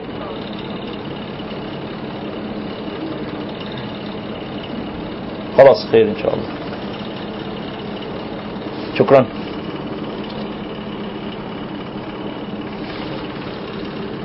خلاص خليها هنا. شكرا طيب صلوا على رسول الله فلو إنه الجاموس ده آه، وثق وثقت كل جاموسة في أختها مش كده ولا إيه؟ لو إنه كل غزالة وثقت في أختها يتماسكوا ما ينهروش ولذلك النبي صلى الله عليه وعلى آله وصحبه وسلم بس صلوا عليه كمان مرة صلوا عليه كتير صلى الله عليه وعلى آله وصحبه وسلم مش قال المسلم للمسلم إيه؟ كالبنيان ليه ليه بنيان؟ إن كل طوبة لوحدها ما تعملش جدار. تماسك الطوب مع بعضه. لا جدار جامد. أنت لو مسكت طوبة تعرف ترميها ولا ما تعرفش؟ قصة مشهورة. قصة مشهورة بتاعت العصيان. ها؟ الراجل اللي قال إيه، جمع عياله الثلاثه وقال لهم امسكوا ادى كل واحد عصايه وكسرها. خلاص كسر. وبعدين إيه، جمع ثلاث عصيان مع بعض واداهم لواحد قام كسرهم. فاداله أربع عصيان قام كسرهم. فاداله 10 عصيان مع بعض في حزمة واحدة. قال له اكسر دول قام كسرهم. قال له طول ما معاكم البغل ده ما تخافوش من حاجة ابدا. إيه يا عم؟ بوظت لنا المثل. المفروض إن لما يديله العشرة ما يتكسروش كسرهم. طب أعمل إيه؟ أقول لك إيه دلوقتي؟ قلت لكم على قبل كده على القصة بتاعت why not؟ قلت لكم عليها. في ناس ما سمعتهاش؟ مين عارف القصة بتاعت why not؟ الراجل اللي أسلم جديد. ها؟ طيب مين مش عارفها؟ تمام خلاص اللي عارف يقول اللي مش عارف تمام. لا أقولها لكم. آه، واحد قصة حقيقية يعني عن واحد بعض المثل موقف حقيقي واحد أسلم أمريكي شاب أمريكي أسلم وبعدين شهد الله إنه محمد رسول الله واقتنع بالإسلام وبيصلي وكل حاجة. وبعدين راح للشيخ في الجامعة وقال له أنا في عندي مشكلة بس مع الإسلام. قال له إيه؟ قال له أنا عايش مع الجيرل فريند بتاعتي ومبسوطين مع بعض و... وعايزين نكمل. فقال له طب ما تتجوزوا؟ قال له والله لا مش حب يعني لسه ما قررناش خطوة الجواز دي خطوة يعني لما نجيب ولدين ثلاثة لما يعني كده لسه ما قررناش نتجوز يعني. فالشيخ عايز يقول له إن الجواز إن الزنا ده حرام ووحش وبتاع. فقال له يعني حرام. قال له ليه حرام؟ إحنا مبسوطين وأنا راضي وهي راضية وأهلها عارفين وأهلي عارفين و... وقدام الناس وعايشين في بيت واحد ومبسوطين فقال له يعني أترضاه لأمك؟ أترضاه لأختك؟ قال له why not الشيخ سمع الكلمة طب أقول لك إيه؟ طب هو الرد كده يعني هو الرد اللي إحنا عارفينه ده طبعا رد النبي صلى الله عليه وسلم بس النبي لما قال الكلمة دي قالها لواحد عربي لما يسمع أترضاه لأمك أترضاه لأختك فيغضب يقول له لا طبعا ما رضاوش يقول له كذلك الناس لا يرضونه لأمهاتهم ولا لأخواتهم لكن ده صاحبنا الأمريكي لما الشيخ قال له أترضاه لأختك؟ يعني إذا هي مبسوطة وما ما إيه المشكلة طالما in public و no feeling why not مش كده ولا إيه؟ صليتوا على رسول الله صلى الله عليه وعلى آله وصحبه. الشاهد يبقى الغزلان أقوى ولا الضبع؟ الجاموس أقوى ولا ولا الأسود؟ الجاموس طبعا والغزلان طبعا ولكن كل ما في الأمر إيه؟ فقدان الثقة فقدان الثقة إن أنا مش واثق في اللي حواليا فبعمل إيه؟ بحاول أعتمد على نفسي والنبي صلى الله عليه وسلم قال إنما تأكل الذئب من الغنم إيه؟ القاصية البعيدة البعيدة لذلك تكون مع الناس تكون مع الناس وت... وت... ونصلي في اليوم خمس صلوات. في في أربع مستويات للاجتماع. عارفين الاجتماعات الأربعة؟ مين عارف الاجتماعات الأربعة؟ اجتماعيات. اجتماعات أربعة. في حاجة اسمها في في علم الاجتماع الإسلامي الاجتماعات الأربعة. الاجتماعات الأربعة. يومي أسبوعي سنوي وعمري. ها معروفة بقى كده. يومي صلاة الخمس. أسبوعي جمعة. في دي أكبر بقى. صلاة الخمس ممكن تبقى في الجوامع الصغيرة. كل 10 20 واحد مع بعض يصلوا مفيش مانع. لكن الجمعة لا دي في الجوامع الكبيرة. وبعدين السنوي الحج. لا السنوي ال- السنوي العيد. السنوي العيد. لا ده يبقى إيه؟ شوية مساجد كتيرة تتجمع وعدد أكبر. وبعدين إيه؟ العمري أو الدهري اللي هو الحج. أربع اجتماعات. فأنت لازم ترتبط بالمسلمين من خلال هذه الاجتماعات. تبقى في آه، يسموها الدوائر آه، آه، متحاضنة كده متداخلة. وأنت منتمي ليها. منتمي للدائره بتاعة المسجد ومنتمي للدائره الأوسع بتاعة صلاة الجمعة والدائره الأوسع بتاعة صلاة العيد. منتمي.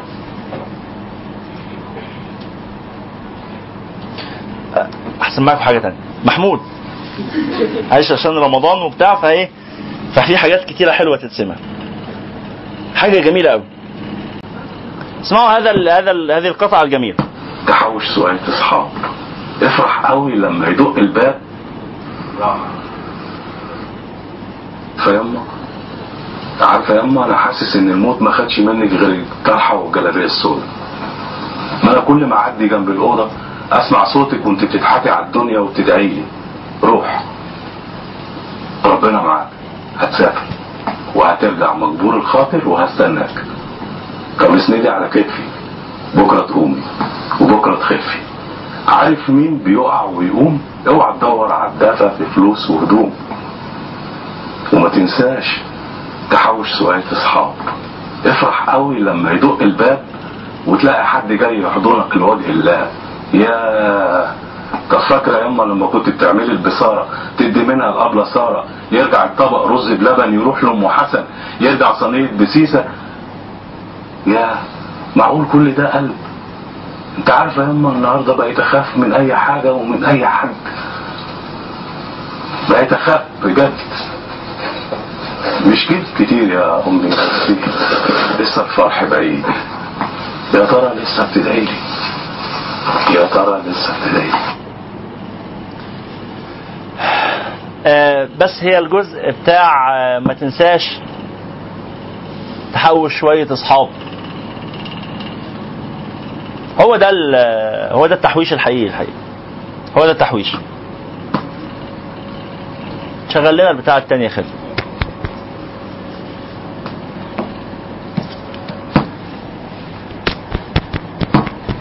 شكرا جزيلا. صليتوا على رسول الله؟ صلى الله عليه وعلى آله حقيقة علي سلامة ب- جميل برضه. يعني مطلقا كده بحيلكم على كل علي سلامة. كل علي سلامة اسمعوا علي سلامة وعيشوا مع علي سلامة. جميل. عارفين آه، السبت؟ السبت بتاعته. شغال يا خالد. معلش. اللي فاتت دي اسمها عارفة يما وفجأة لقيتني مسكون بالملل معرفش في الدنيا كده. فجأة لقيتني مسكون بالملل. لا عندي رغبة في البكاء ولا في الكلام ولا عايز أنام ولا حتى بسأل إيه ده إيه واخرتها إيه وإيه العمل. حالة كده. وأخاف أقول لأي حد لحسن يقوم يقلبها جد حد صاحبي ينزعج يمد إيده جوه قلبه من باب الكرم عشان يشاركني الألم أو يستلف لي من لئيم حبة أمل. حالة كده حالة كده معرفش ليه. ساعات تزورني في الشتاء في الربيع في الحر وفي عز الشتاء. وتجيب حاجات لا فيها روح ولا ميتة. حالة كده لا معاها ينفع كلمتين ولا كلمتين ولا لقطة من ألبوم صور ألاقي قلبي في الهوا ويا الكور. أخاف أقول أي حد لحسن يقوم يقلبها جد. حالة كده معرفش ليه. لكني برجع منها بعد السكات. فاكر شوية فاهم شوية في اللي فات. حاسس قوي بحضن الصحاب محظوظ أنا. ساعات بشاور يتفتح لي ألف باب لكني برجع وبغلط في حساب ومعرفش ليه. فلاحت الدنيا الله يرحمك يا ثبت حضرتك فبيكلمني في التليفون الدنيا سرقتنا عليه. والحياة وهو ساكن في اسكندرية من اسكندرية في في زيزينيا أعتقد. والولد قرب يتخرج مش هنقدر نجيب له شقة هنا. أنا بفكر أرجعه. حاجة كده وأعيش بقى و- والسبت. وانزل السبت زي ما كنت بعمل والسبت يطلع معاه بس هو قال الكلمة دي. قال الكلمة دي بس في المكالمة. آه. وقفلت وجبت ورقة وقلم ورحت كاتب قصيدة الله يرحمك يا سبت. في كل بلكونة في البيت كان السبت المتعلق دايما على الحيط. أنزله ويرجع بالفوق وعمره يوم ما دلق للزيت أنزله ويرجع بالفول وعمره ما دلق للزيت. آه. في كل بلكونة في البيت كان السبت المتعلق دايما على الحيط أنزله ويرجع بالفول وعمره يوم ما دلق للزيت أنزله ويرجع جرنان وأنزله ويرجع بالعيش وأنزله ويرجع قمصان. في وسطهم أبرول الجيش وأنزله ويرجع إنسان وأنزله ويرجع نسمة. وطفل لسه مش طايل سور الكورنيش. وأنزله ويرجع أفراح. يوم النتيجة وزمايلي وشهادة نجاح. وأنزله ويرجع جوابات. وانزله ويرجع حكايات دقة قلبي أول مرة قلت أنا حبيت. وانزله ويرجع أحلام. وانزله يرجع أيام. دلوقتي بنزل أنا والسبت والبيت ونرجع إيد ورا وإيد قدام. لا فرح معانا ولا حتى إبرة وخيط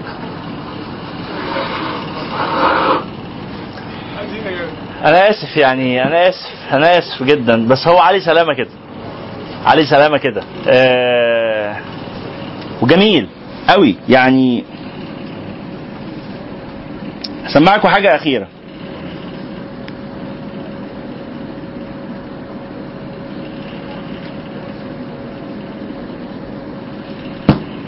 دي بحبها قوي.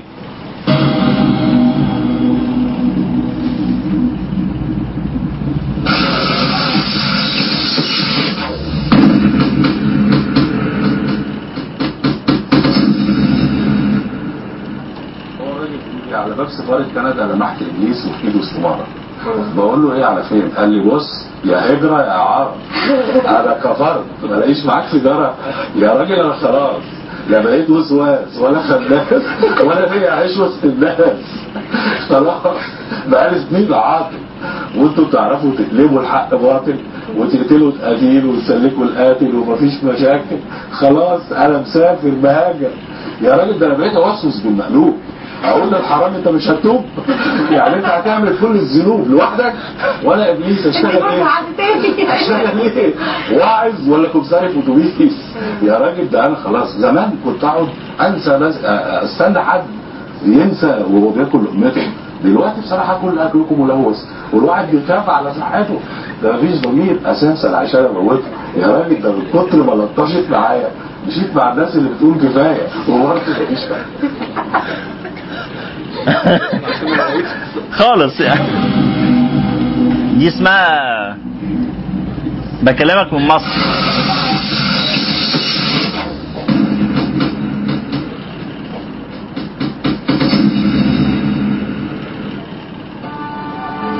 بكلمك من مصر. مصر. لا لا لا لا بكلمك من مصر.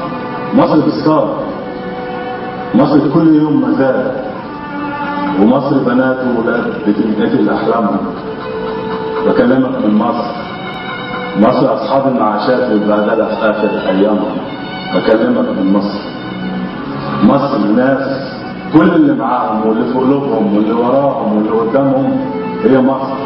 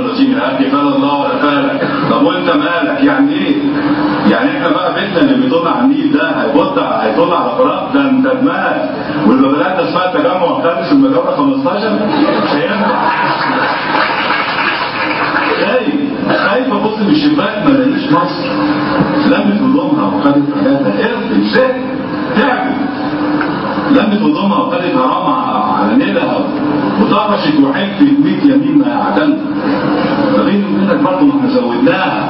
زودناها. كأننا استعمرناها. كأننا استعمرناها ورثناها هي دي البنت الاموره كانت زي القمر فجأة كبرت عجزت وبان علينا الكفر خايف. خايف أبص من الشباك فجأة وما الاقيش مصر. طيب يعني يبدو الأخيرة مش بنفس القوة لكن أنا آسف على يعني تطويل الوقت و والاسترسال مع أنا اللي خرجني عنده بس كانت الكلمة بتاعت فاكرينها؟ ما تنساش تحوش شوية صحاب. بس كانت هي الكلمة دي. هو ال- ال- العشر دقايق الربع ساعة اللي قضماهم مع علي سلامة كانوا عشان خاطر الكلمة دي. ما تنساش تحوش شوية صحاب. الحقيقة إنه ده آه، تحدي كبير.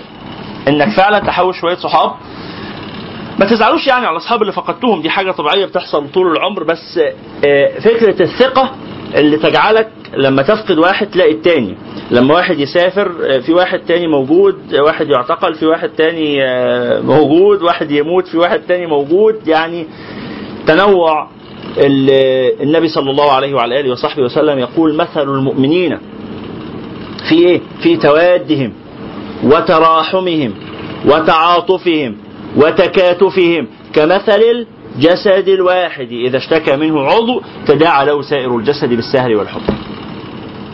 مسألة الثقة يا جماعة. مسألة بناء الإنسان بناء المجتمع الإنساني. لا يبنى المجتمع لا يبنى لا يبنى المجتمع الإنساني إلا بالثقة. أنا قلت يمكن لحضراتكم قبل كده في مرة كنت بشتغل مع مجموعة من الناس وبعدين اختلفنا في بعض وجهات النظر كده وكنا خلاص هنفض الشراكة اللي ما بيننا. ويبدو إن أنا كان صعبان عليا فض الشراكة وهم كمان فقالوا طب ما نحاول ناخد يعني محاولة كمان. فعملنا اجتماع عشان نظبط هنكمل الشغل إزاي مع بعض بما لا يؤدي إلى مشاكل زي اللي حصلت. فحد من الحاضرين قال كلمة. قال طيب أنا إيه اللي يضمني إنه اللي حصل ده ما يحصلش تاني؟ فأنا رديت بكلمة واحدة. مفيش حاجة تضمن كان رد فعل يبدو إن هو ضايقهم. بس أنا يعني كنت قاصد أقوله كده مفيش حاجة تضمنك. يعني إيه مفيش حاجة تضمنك؟ يعني إذا ما كناش هنكمل الشراكة وإحنا في ثقة متبادلة يبقى مفيش ضمن مفيش حاجة تضمن. والله إحنا هنحاول وهنحط قواعد إدارية وهنحط إجراءات وهنحط ونتفق على توزيعة الأموال اللي ما بيننا ومين هيعمل إيه. هنتفق على الحاجات دي كلها. بس برضه لو أنت بتقول طب ما إحنا عملنا كل ده لأنه كانوا بيقولوا كده. إحنا كل ده عملناه قبل كده وما عملش حاجة. إيه اللي يضمني ان المرات دي تبقى مختلفة. مفيش حاجة تضمنك. واصلة الفكرة دي؟ مفيش حاجة تضمنك. اللي الض- اللي يضمنك هو إنك تثق. فقدت الثقة ما تكملش خلاص. خلصت. فقدت الثقة في مراتك ما تعيشهاش. النبي صلى الله عليه وعلى آله وصحبه وسلم. راح له الصحابي. في يوم وقال يا رسول الله إن زوجتي لا ترد يد لامس. لا ترد يد لامس يعني إيه؟ أي حد بيمد إيده وهي ما بتقولش لا. ما يعني كده. أنت سهلة في التعامل مع مع المسألة دي. ممكن تسلم على الناس بإيديها كده. ما بتهمهاش بالفاحشة بس بيقولوا إن هي مش إيه مش منضبطة شوية في التعامل. فالنبي صلى الله عليه وسلم قال له إيه؟ قال له طلقها. طب ليه طلقها؟ ليه ما طب ما الأول ينبهها طب ما ياخد باله لا هو لما وصل لمرحلة إن هو راح اشتكى. وخلاص كده اتقفلت معاه وهي ما, ما, ما بتستجيبش وعمال يقول لها خدي بالك ما تضحكيش قدام الناس غلط تضحكي قدام الناس غلط تتنططي في الشارع. هي مصرة على الطريقة بتاعتها. خلاص. قال له طلقها. أما الراجل قال يا رسول الله ولكني أحبها. ها؟ قال له إيه؟ قال أمسكها. بس خلاص يعني هي المسألة بسيطة. والله هو الحديث ما فيهوش غير كلمتين من النبي صلى الله عليه وسلم. يا رسول الله إن زوجتي لا ترد يد لامس قال طلقها. قال يا رسول الله إني أحبها. قال أمسكها.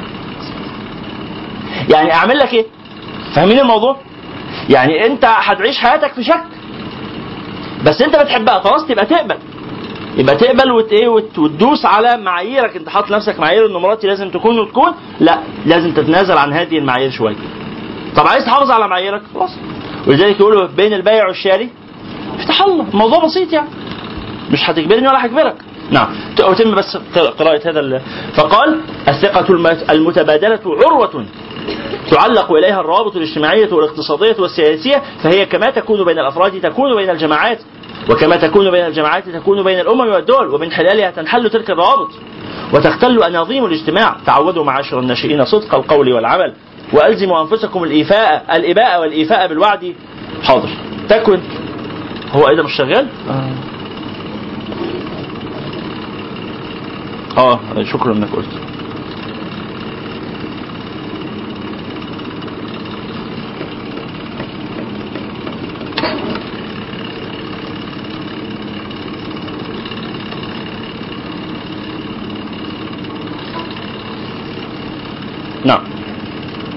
تعودوا معشر مع معشر الناشئين صدق القول والعمل والزموا أنفسكم الإباء والإيفاء بالوعد تكن الثقة بكم طوع يمينكم.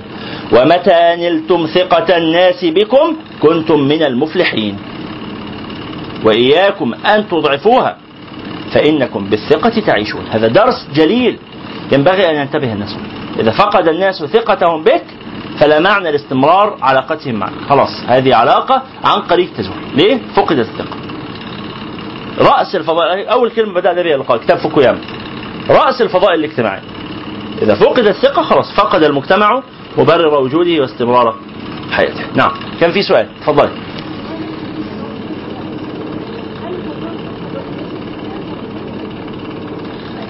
حل فقدان الثقة إيه؟ إذا فقدان الثقة ده مبني على وقائع؟ إن أنا أستبين هذه الوقائع فلو تأكدت من الوقائع خلاص ما استعدش الثقة. يبدو لي أنه إنسان غير جدير بالثقة. كيف أستعيد الثقة؟ بوقائع جديدة. في ناس ما أقدرش أتخلى عنهم خلاص أكمل معاه رغم إني مش واثق فيه. ما إحنا مش قلنا البيت بتاع المتنبي ومن نكد الدنيا على الحر أن يرى عدوا ما له من صداقته بد أنا أنا واحد بتعامل معاه ومش واثق فيه. أنا مشغل موظف عندي في الشركة. وأنا شاكك إنه حرامي. أعمل إيه؟ أخلي ناس يراقبوه ما أحطش فلوس في إيده. يعني أزيل المشكلة. خلاص؟ أنا في مثلا ابني. أنا مش واثق إن ابني بياخد الفلوس دي بياخد فلوس عشان الدرس وأنا حاسس إن هو بياخدها وبيخرج بيها مع أصحابه وما بيروحش الدرس. أعمل إيه؟ ما أديلوش فلوس أروح أنا أدفع الفلوس للسنتر. مثلا. أنا مش واثق في من غير ما أوسوس يعني. أنا مش واثق في آه، مراتي. مش بالضرورة أطلقها. أنا مش واثق فيها في إيه؟ في إنها مبذرة مثلا أو بتهمل في الفلوس. أصرف أنا. أدير أنا الشؤون المالية في البيت. مش واثق إن هي مثلا لما بتقابل رجالة ما بتكونش بالانضباط الكافي. ما خليهاش تقابل رجالة. ما تخرجش من البيت غير وهي معايا. لا ده أنا شاكك بقى إن هي ممكن تكون بتدخل ناس البيت. لا خلاص أطلقها. طب مش هعرف أطلقها. أعين حارس يقعد على باب البيت. طب قلقان من الشباك. اعين حارس تاني على الشباك. يعني واصلة الفكرة؟ يعني في النهاية أنا وأنا بتعامل مع الناس إذا فقدت الثقة هل أنا بفقد الثقة في كل حاجة ولا في حاجة؟ في حاجة. يبقى أتلاشى الحاجة دي. ولذلك نقول إيه؟ نجتمع فيما اتفقنا عليه ويعذر بعضنا بعضا فيما اختلفنا فيه. في ناس أنا مضطر أكمل معاهم رغم إني فاقد الثقة بيهم. أعمل إيه؟ ما كملش معاهم في الحاجة اللي أنا فاقد الثقة بيهم فيها. طب أنا مضطر؟ أحاول أحط ضمانات أحاول أحط احتياطات. وهفضل أشاكك بس خلاص مفيش حل. نعم. لو ناس فقدوا الثقة بي.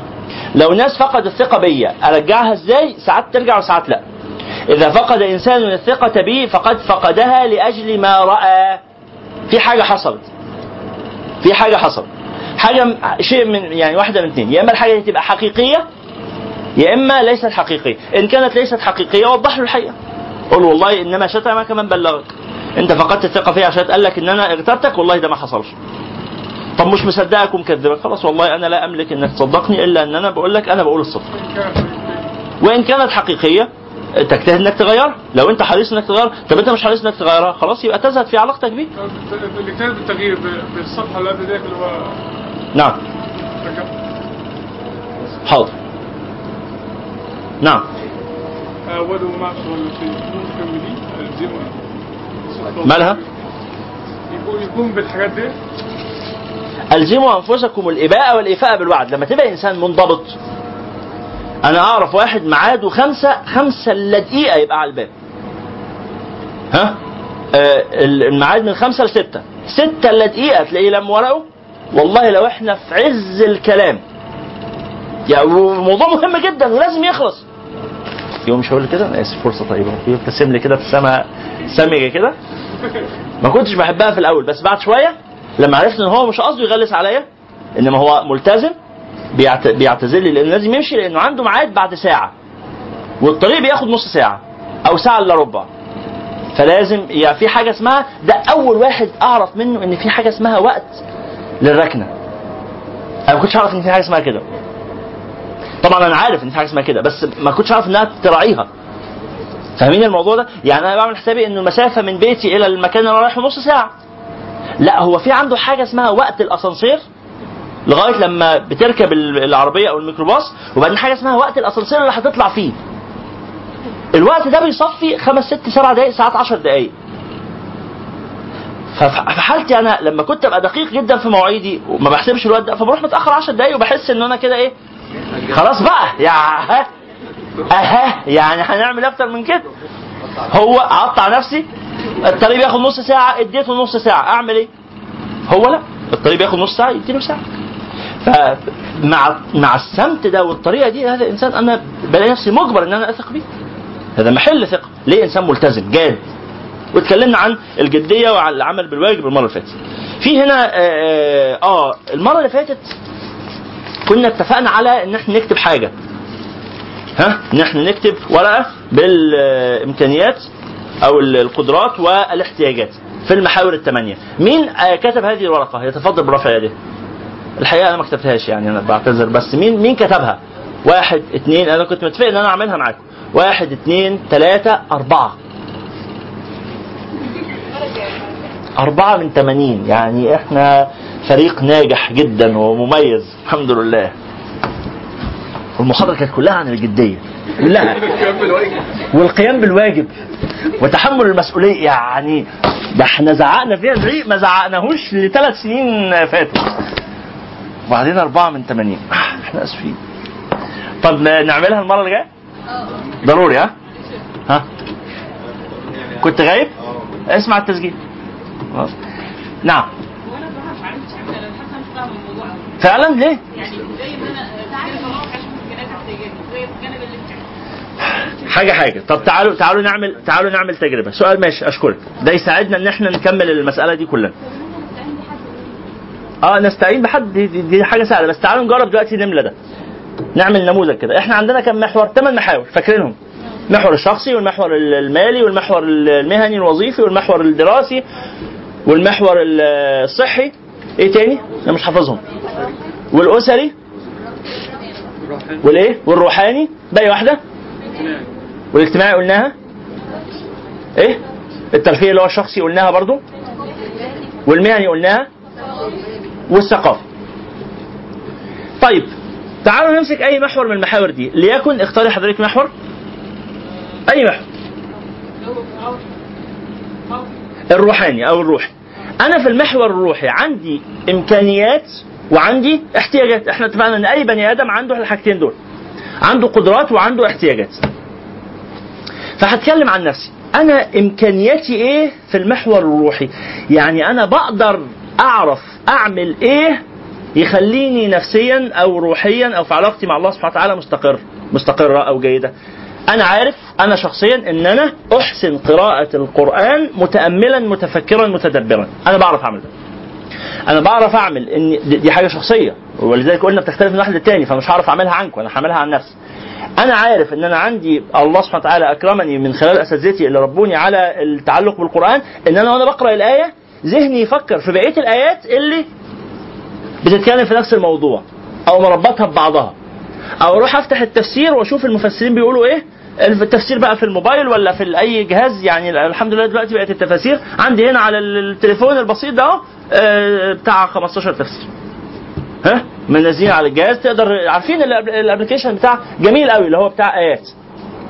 آه، كل آية تقف عليها تقدر تفتح التفسير بتاعها في أي تفسير من تفاسير السعدي وابن كثير والقرطبي والطبري و... ها؟ فأفتح من أجمل التفاسير اللي ممكن تقروها طبعا أسهل حاجة الصغير قوي تفسير السعدي آه، أوسع شوية ابن كثير. أوسع خالص أو أوسع أكثر القرطبي. أوسع وأجمل على الإطلاق. بس طويل. آه، آه، تفسير الطاهر بن عاشور. اسمه إيه يا أحمد؟ التحرير والتنوير الله يفتح عليك. تفسير التحرير والتنوير. بتاع الشيخ الطاهر ابن عاشور رحمه الله. ده من أجمل التفاسير. واسع جدا ومستوعب وجايب كل أقوال السابقين. كبير. كبير وقوي ولغته عالية وشيء راقي جدا جدا. اسمه التحرير والتنوير. التحرير والتنوير. إيه؟ فعلا؟ آه. جميل. شفتوش شوفوا إن شاء الله. التفسير تفسير التحرير والتنوير بتاع الطاهر بن عاشور من أجمل كتب التفسير بس واسع. فأنت ما تقدرش ساعات تبقى محتاج إيه؟ تعرف معنى آية فاهمين ده؟ فما عندكش وقت إنك تقف مع كل آية تقراها في نص ساعة. فبتبقى عايز حاجة سريعة فتبص على السعدي بسرعة كده. خطفة في في في, في 30 ثانية يبقى تبص على السعدي عندك وقت؟ أطول شوية روح بقى مع ابن كثير. أطول شوية روح مع القرطبي والطبري. ها؟ أطول خالص؟ ما عندك وقت براحتك عايز تفهم الآية لغاية الآخر روح مع الشيخ الطاهر بن عاشور هتلاقي العجب كله. الظلال جميل بس يعني لا الطاهر بن عاشور رائع رائع ويغنيك عن غيره. الظلال تفسير أدبي مش. يعني مش يقفش مع معنى الكلمة وكده آه صلينا على رسول الله صلى الله عليه وسلم طيب فأنا بقول لحضرتك أنا لما هكتب في في الجانب الروحي إن أنا امكانياتي أو إيه اللي بعرف أعمله بيخليني يقظ روحيا أو أرجع أتنشط أو كده قراءة القرآن هذه القراءة التدبرية واحد تاني يقول لا أنا أمهر أو أقدر الله سبحانه وتعالى أعطاني القدرة على القيام بتأمل. آه، أعرف أقوم الليل. واحد يقول لا أنا الجانب الروحي عندي يتظبط أو بعرف أعمله كويس لما أنزل أخدم الناس وأساعدهم وعندي قدرات في المجال ده. واحد يقول لا أنا الجانب الروحي الروحي أو النفسي أو ال- الإيماني بيكون سامي جدا وراقي لما أنزل أروح أزور الناس في المستشفيات أو ال- الضعفاء أو المرضى أو كده. فدي إمكانيات. طب أنا إيه احتياجاتي؟ والله أنا محتاج على المستوى الروحي حاجتين. مثلا أنا محتاج أشعر بإنه بان أنا تجاوزت ذنوبي القديمة لأن دي عاملة لي عقبة نفسية في العلاقة مع الله ذنب معين أنا عارف إن فيه مشكلة فأنا عايز أنساه عايز أتجاهله. أتجاهله إزاي؟ أشتغل على المحور ده إزاي؟ ده هكتبه في خانة الاحتياج. لسه هشوف هعمله إزاي بس هكتبه احتياج. عندي احتياج إلى تجاوز الذنب الفلاني وعندي احتياج للشعور بالرضا أو التقدير أو عندي احتياج للبكاء. أو عندي احتياج آه لل- للفرحة بطعم الطاعة. أنا ما بقتش أدوق طعم الطاعة بالطعم الايه الفرحان. فأنا عندي احتياج اسمه الفرح بالطاعة. عندي احتياج اسمه السرور برؤية الصالحين. ده احتياج روحي. أنا لما بشوف الناس الطيبين ما بحسش بالسرور ليه؟ دي مشكلة. يبقى أنا عندي هذا الاحتياج. أنا عندي احتياج روحي اسمه إنه أمي تدعي لي. أنا محتاج ده قوي. فإزاي أتصل بأمي بشكل واضح كده أقول لها ماما لو سمحت ادعي لي. وأقعد أسمع منها الدعاء كده وأقعد معاها نص ساعة كده وأقول لها ادعي وأنا عايز أقول وراكي آمين. وتدعي بالعامية ما تدعيش بالفصحى ولا حاجة. لا والله ده أنا محتاج دعاء شيخي. لا ده أنا محتاج دعاء آه مثلا صاحبي. لا ده أنا محتاج دعاء آه بنتي دعاء مثلا يعني آه كده. لا والله ده أنا عندي احتياج في الجانب الروحي إلى كل واحد أضرب احتياجاته. فأقول مثلا أنا ممكن أكون محتاج إيه تاني؟ ممكن أكون محتاج آه، آه، أصوم في يوم ومفيش مخلوق في الدنيا يعرف إن أنا صايم ولا حتى أهلي ولا زمايلي. فتبقى عبادة سر. أنا محتاج أتصدق بصدقة على حد فعلا محتاجها جدا. أنا عارف إنها هتفرق معاه في حاجة في حياته على حد فقير إزاي اكتشف اوصل لحد فقير بشكل مباشر مش من خلال الجمعيات أو من خلال الوسائط. أنا محتاج ده محتاج أشوف واحد لما خد الفلوس من إيدي هينتفع بيها. ها؟ ده احتياج روحي. أنا عندي احتياج روحي مثلا؟ إيه تاني؟ إيه؟ آه آه، أنا محتاج مثلا أشعر باليقين في الله إن أنا لما تحصل لي مشاكل آه قلبي ما يضطربش وما يتهزش. وما تزودش ما تقدرش تكتب 500 حاجة. يكفي إنك تكتب بس ثلاث حاجات. ثلاث أربع حاجات. يبقى دي كلها احتياجات أهي. وإمكانياتي إيه؟ أهي. طيب هستغل إمكانياتي كلها على قد ما أقدر وهحاول أغطي احتياجاتي.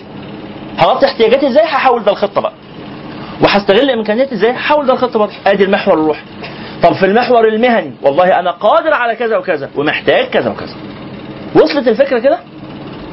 في حد بيواجه مشكلة في محور من المحاور مش عارف يجيب أمثلة فيه في الاحتياجات أو ال إيه؟ ال- المرح أو الجانب الشخصي المحور الشخصي. احتياجاتي إيه في المحور الشخصي؟ لا ممكن تكون احتياجاتي إن أنا أتفسح إن أنا أضحك إن أنا أقعد قعدة هادية إن أنا أستمر لمدة خمس ساعات متواصلة ما أتكلمش أو إن أنا أتكلم لمدة خمس ساعات أو إنه أفضفض وأرغي. أو إنه ما, ما أبطل فيسبوك لمدة أسبوعين متواصل وأعمل دي اكتيفيت أو إنه شخص يشاركني ده. شخص يشاركني ده. آه، محتاج أتجوز. آه، محتاج أطلق مراتي. محتاج يعني أي حاجة بقى يعني أو ابني يعني أي حاجة. يعني طبعا ما تعملوش كده. ده حرام. ها؟ الشخص والمحامي والأب تجيبهم ال- المحاور الثمانيه يا جماعة. أنت ما كنتش حاضر المرة اللي فاتت؟ تسمع تسجيل المحاضرة. اسمع تسجيل المحاضرة لأنه كان فيها كلام تاني مهم. تجيب الكلام ده من حاجة اسمها عجلة الحياة المتوازنة. عجلة الحياة المتوازنة. فيها المحاور الثمانيه وفي كل محور المفروض تتعامل معاه إزاي. عجلة الحياة المتوازنة. حاضر لحظة.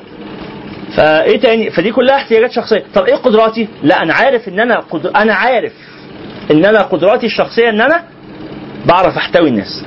بعرف أسمع مشاكل الناس. بعرف أهندل مشاكل الناس. يمكن ما بعرفش أساعد في حل المشكلة بس بعرف لما يحكي لي أخفف أوجاعه. أي نعم ما اتحلتش عارفين المسألة دي؟ في واحد أعرفه كده. أحكي له لما أخلص حكي برتاح ويهون عليا الدنيا وبرتاح قوي. مش مفيد بنكلة. خالص بيغرق في شبر مية. يعني ده يعيش في الحياة تايه كده. ده ب... ب... ب... لازم أعديه الطريق. تايه بس مريح. فده لما يبقى عندي مشكلة ومش عايز احلها انما عايز ارتاح منها أروح احكي له. طب لو عايز احلها لا في واحد تاني عارفه. ده اتم بقى. إحنا نقعد نبدأ نحل؟ انجز. ما بيسمعش. هو عنده خبرة. ده, ده, ده شخص حقيقي برضه بالمناسبة. عنده خبرة غير عادية بالحياة. فاقول له لازم آه طب اسكت اسكت. اسكت راحة جدا.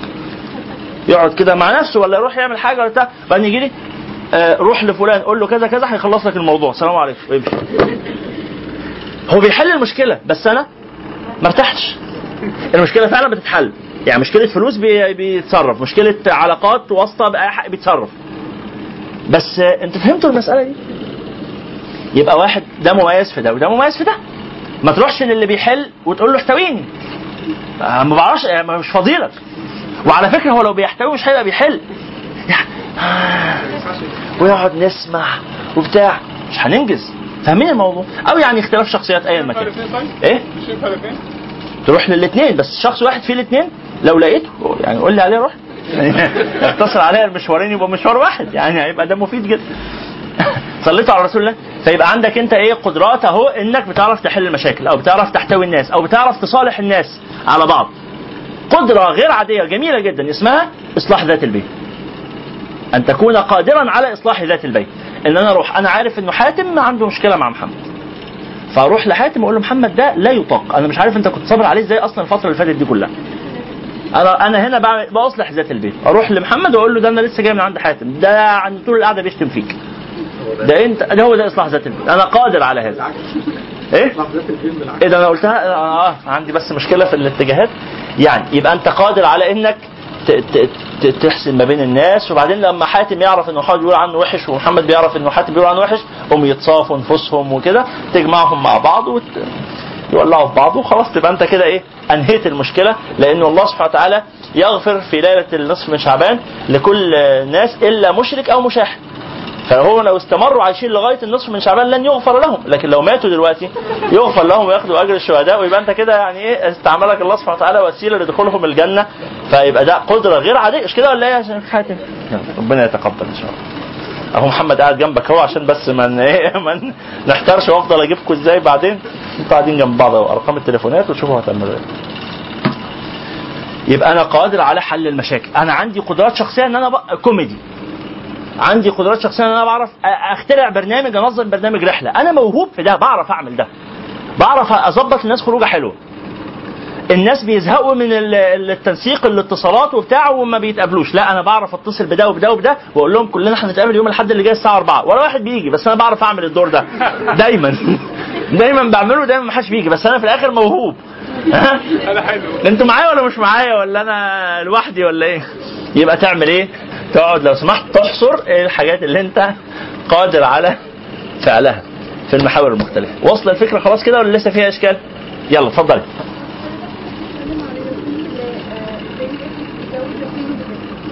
الله المستعان ده يعني مش هنعرف نجاوب عليه النهارده طبعا. ده يعني اختها بتقول كيف يزيد الإنسان ثقته بالله سبحانه وتعالى. نسأل الله التيسير هذا موضوع ضخم يعني ولأجل هذا نعيش. فنسأل الله التيسير. سؤال آخر؟ الوقت حاضر انتهى. اتفضل. إحنا النهارده لن نقرأ شيء من القرآن. و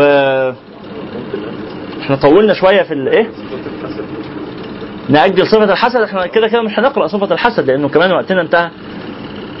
محتاجين نصلي العصر لأنه الدرس اللي بعدنا هيبدأ دلوقتي. هو الدرس اللي بعدنا ميعاده الساعة كام؟ أربعة باقي ربع ساعة يا دوب. لا هو ميعاده أربعة. هو كان من أربعة ونص إلى آه، ستة ونص أصبح من أربعة لستة. آه آه أنا افتكرت. فباقي عليه ربع ساعة. طيب الله المستعان. لو في سؤال تاني نجاوبه ونقرأ شيء من القرآن ونختم إن شاء الله. اتفضلي وجهة نظري في إيه؟ مصالحة النفس. آه ده اسمه المجاهرة بالمعصية. آه سؤال جيد أشكرك. شوف يا فندم التصالح مع النفس معناه إيه؟ معناه إن أنا مقدر إنه اللي أنا بعمله ده غلط. بس مش برجم نفسي وأقول والله أنا ما استاهلش الحياة ويجي لي اكتئاب ويجي لي آه، عقد نفسية ويجي لي آه، آه، اتهام دائم للذات أو فقدان الثقة بالنفس أو إن أنا أعيش في الحياة محطم بسبب ذنوبي أو بسبب مشاكلي لا أنا متصالح مع نفسي عارف إن عندي مشاكل وبشتغل على إصلاحها لا أجاهر بها ولا أقرها ولا أقننها ولا أتمادى فيها ولا أصر عليها ولا أجبر الناس على قبولي بيها إنما بحاول أصلحها. أنا متصالح مع نفسي أنا تخين. وعارف ان أنا تخين. فتصالحي مع نفسي إن أنا ما أجيبش هدوم ضيقة وأقول لا على فكرة أنا رفيع. لا أجيب لبس واسع وفي نفس الوقت أعمل رجيم عشان أخس. يبقى أنا كده متصالح مع نفسي. أنا والله عندي مشكلة إن أنا مثلا آه، بغتاب الناس. والعياذ بالله يعني نسأل الله السلامة والعافية. بغتاب الناس. تصالح مع النفس مش إن أنا أستمر في اغتياب الناس إنما لما أعرف إنه حد اغتابني ما أزعلش ما أنا كمان بغتاب الناس فالله يغفر له ما أزعلش منه أدعي له بالغفران. وفي نفس الوقت أنا أقول للناس إيه؟ لو سمحتوا ساعدوني إن أنا أتجاوز هذا الذنب عشان دي حاجة سيئة جدا. وأقول لفلان ده لو شفتني بجيب سيرة حد سكتني لو سمحت فكرني إنه ما يصحش. يبقى أنا كده متصالح مع نفسي بمعنى إن أنا فاهم م- مزاياي وفاهم عيوبي فاهم النقاط الجيدة والنقاط السيئة. هو ده معنى التصالح مع النفس. نعم. أنا مش عايش في صراع. مش عايش نفسي في الحاجتين. مش عايش معذب إنما عايش مستقر. بعمل غلط بتوب عنه بستغفر بتراجع بسال الله الثبات والهداية. بس ده المقصود. خلينا المرة اللي جاية نتكلم أحسن عشان نبدأ القراءة دلوقتي. أظن.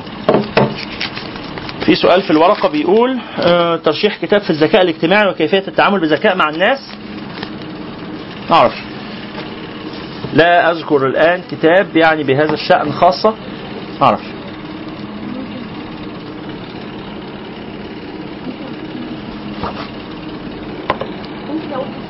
اسم كتاب قول لنا اتفضل. كيف تكسب الأصدقاء وتؤثر في الناس؟ بتاع ديل كارنيجي كتاب كيف تكسب الأصدقاء الأصدقاء وتؤثر في الناس؟ بتاع ديل كارنيجي عارفين ديل كارنيجي مشهور. ده كتاب حلو. مطبوع في العبيكان. مطبوع في العبيكان. وموجود PDF. تقدروا تقروا PDF. أختنا بتحلنا عليه.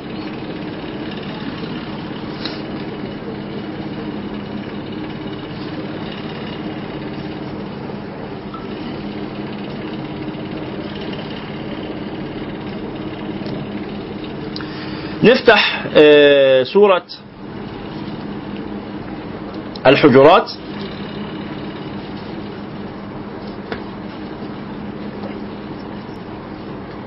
آية رقم واحد من أولها. سورة الحجرات من أولها.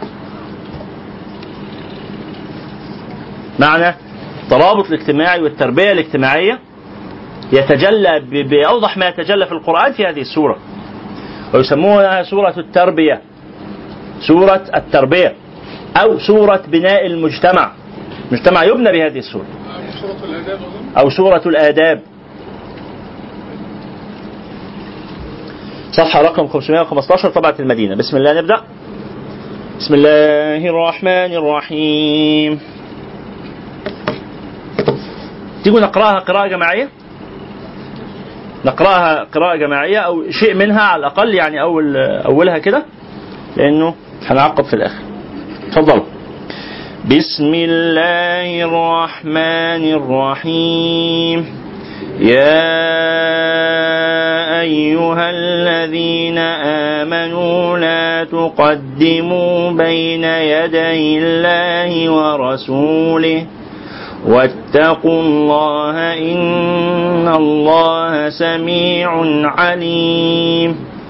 يا أيها الذين آمنوا لا ترفعوا أصواتكم فوق صوت النبي ولا تجهروا له بالقول كجهر بعضكم لبعض أن تحبط أعمالكم أن تحبط أعمالكم وأنتم لا تشعرون إن الذين يغضون أصواتهم عند رسول الله أولئك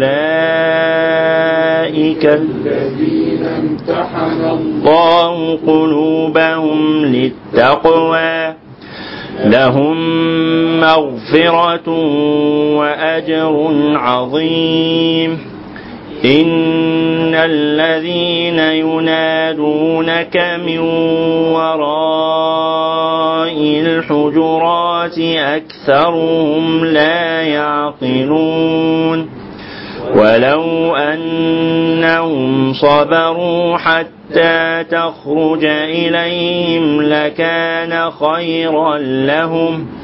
والله غفور رحيم. يا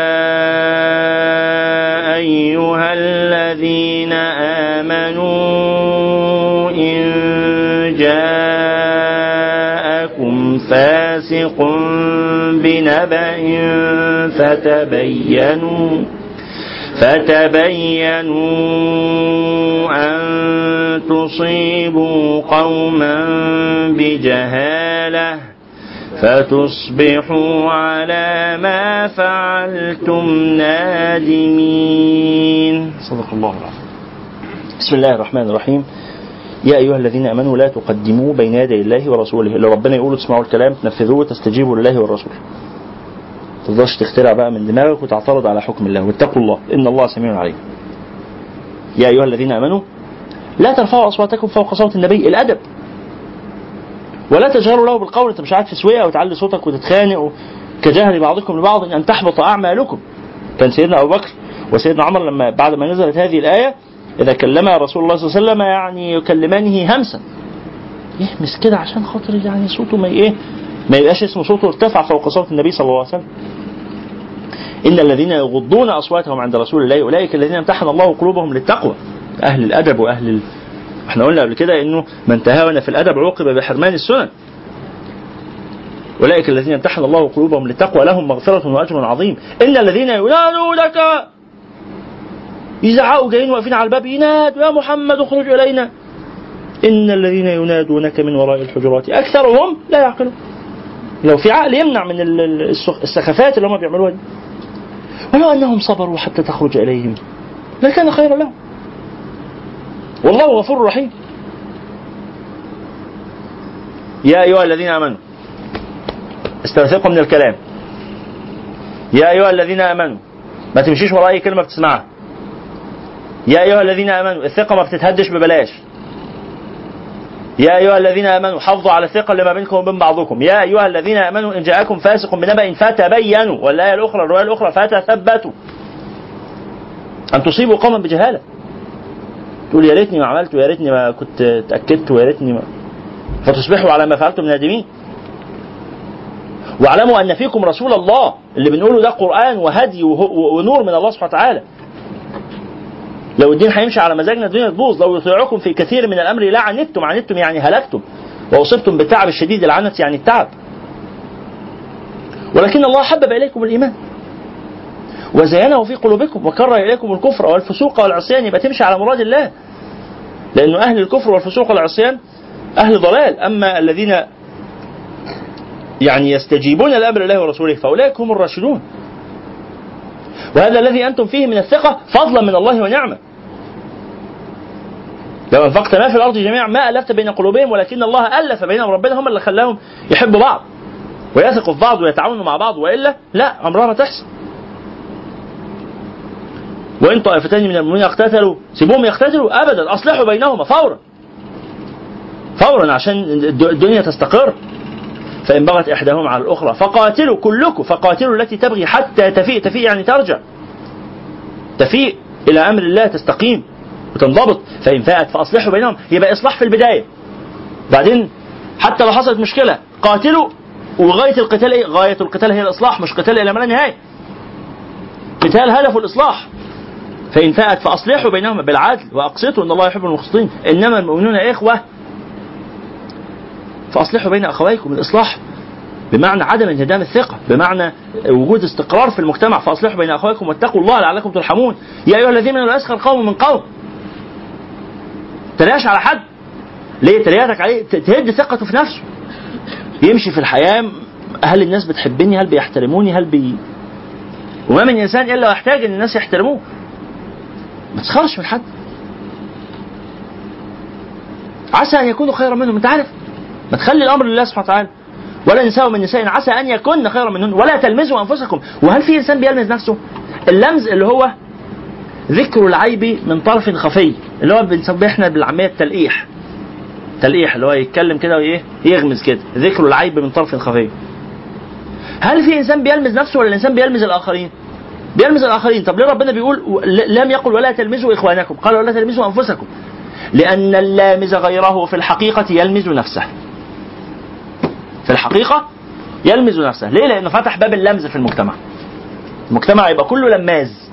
المجتمع ماشي يقلس على بعضه المجتمع ماشي يتريق على بعضه. تعملش كده. أخوك ده نفسك. أخوك ده انت. ولا تلمسوا انفسكم ولا تنابزوا بالالقاب ما تطلعش اسماء قبيحة على الناس.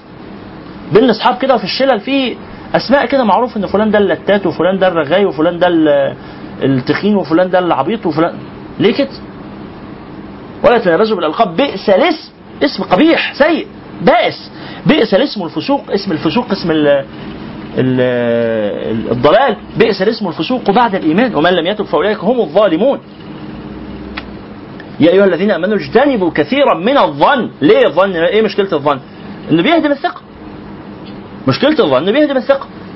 لما أمشي أظن يعني أنا أمشي أتهم الناس أمشي أقول والله ده احتمال يكون وده احتمال يكون وده احتمال يكون. لا يا عم ما تتقدمش للبنت دي ده يمكن كان عندها تجارب في الماضي كان فيها وفيها وفيها. لا يا عم ما تشاركش الراجل ده أحسن يمكن كان نصاب.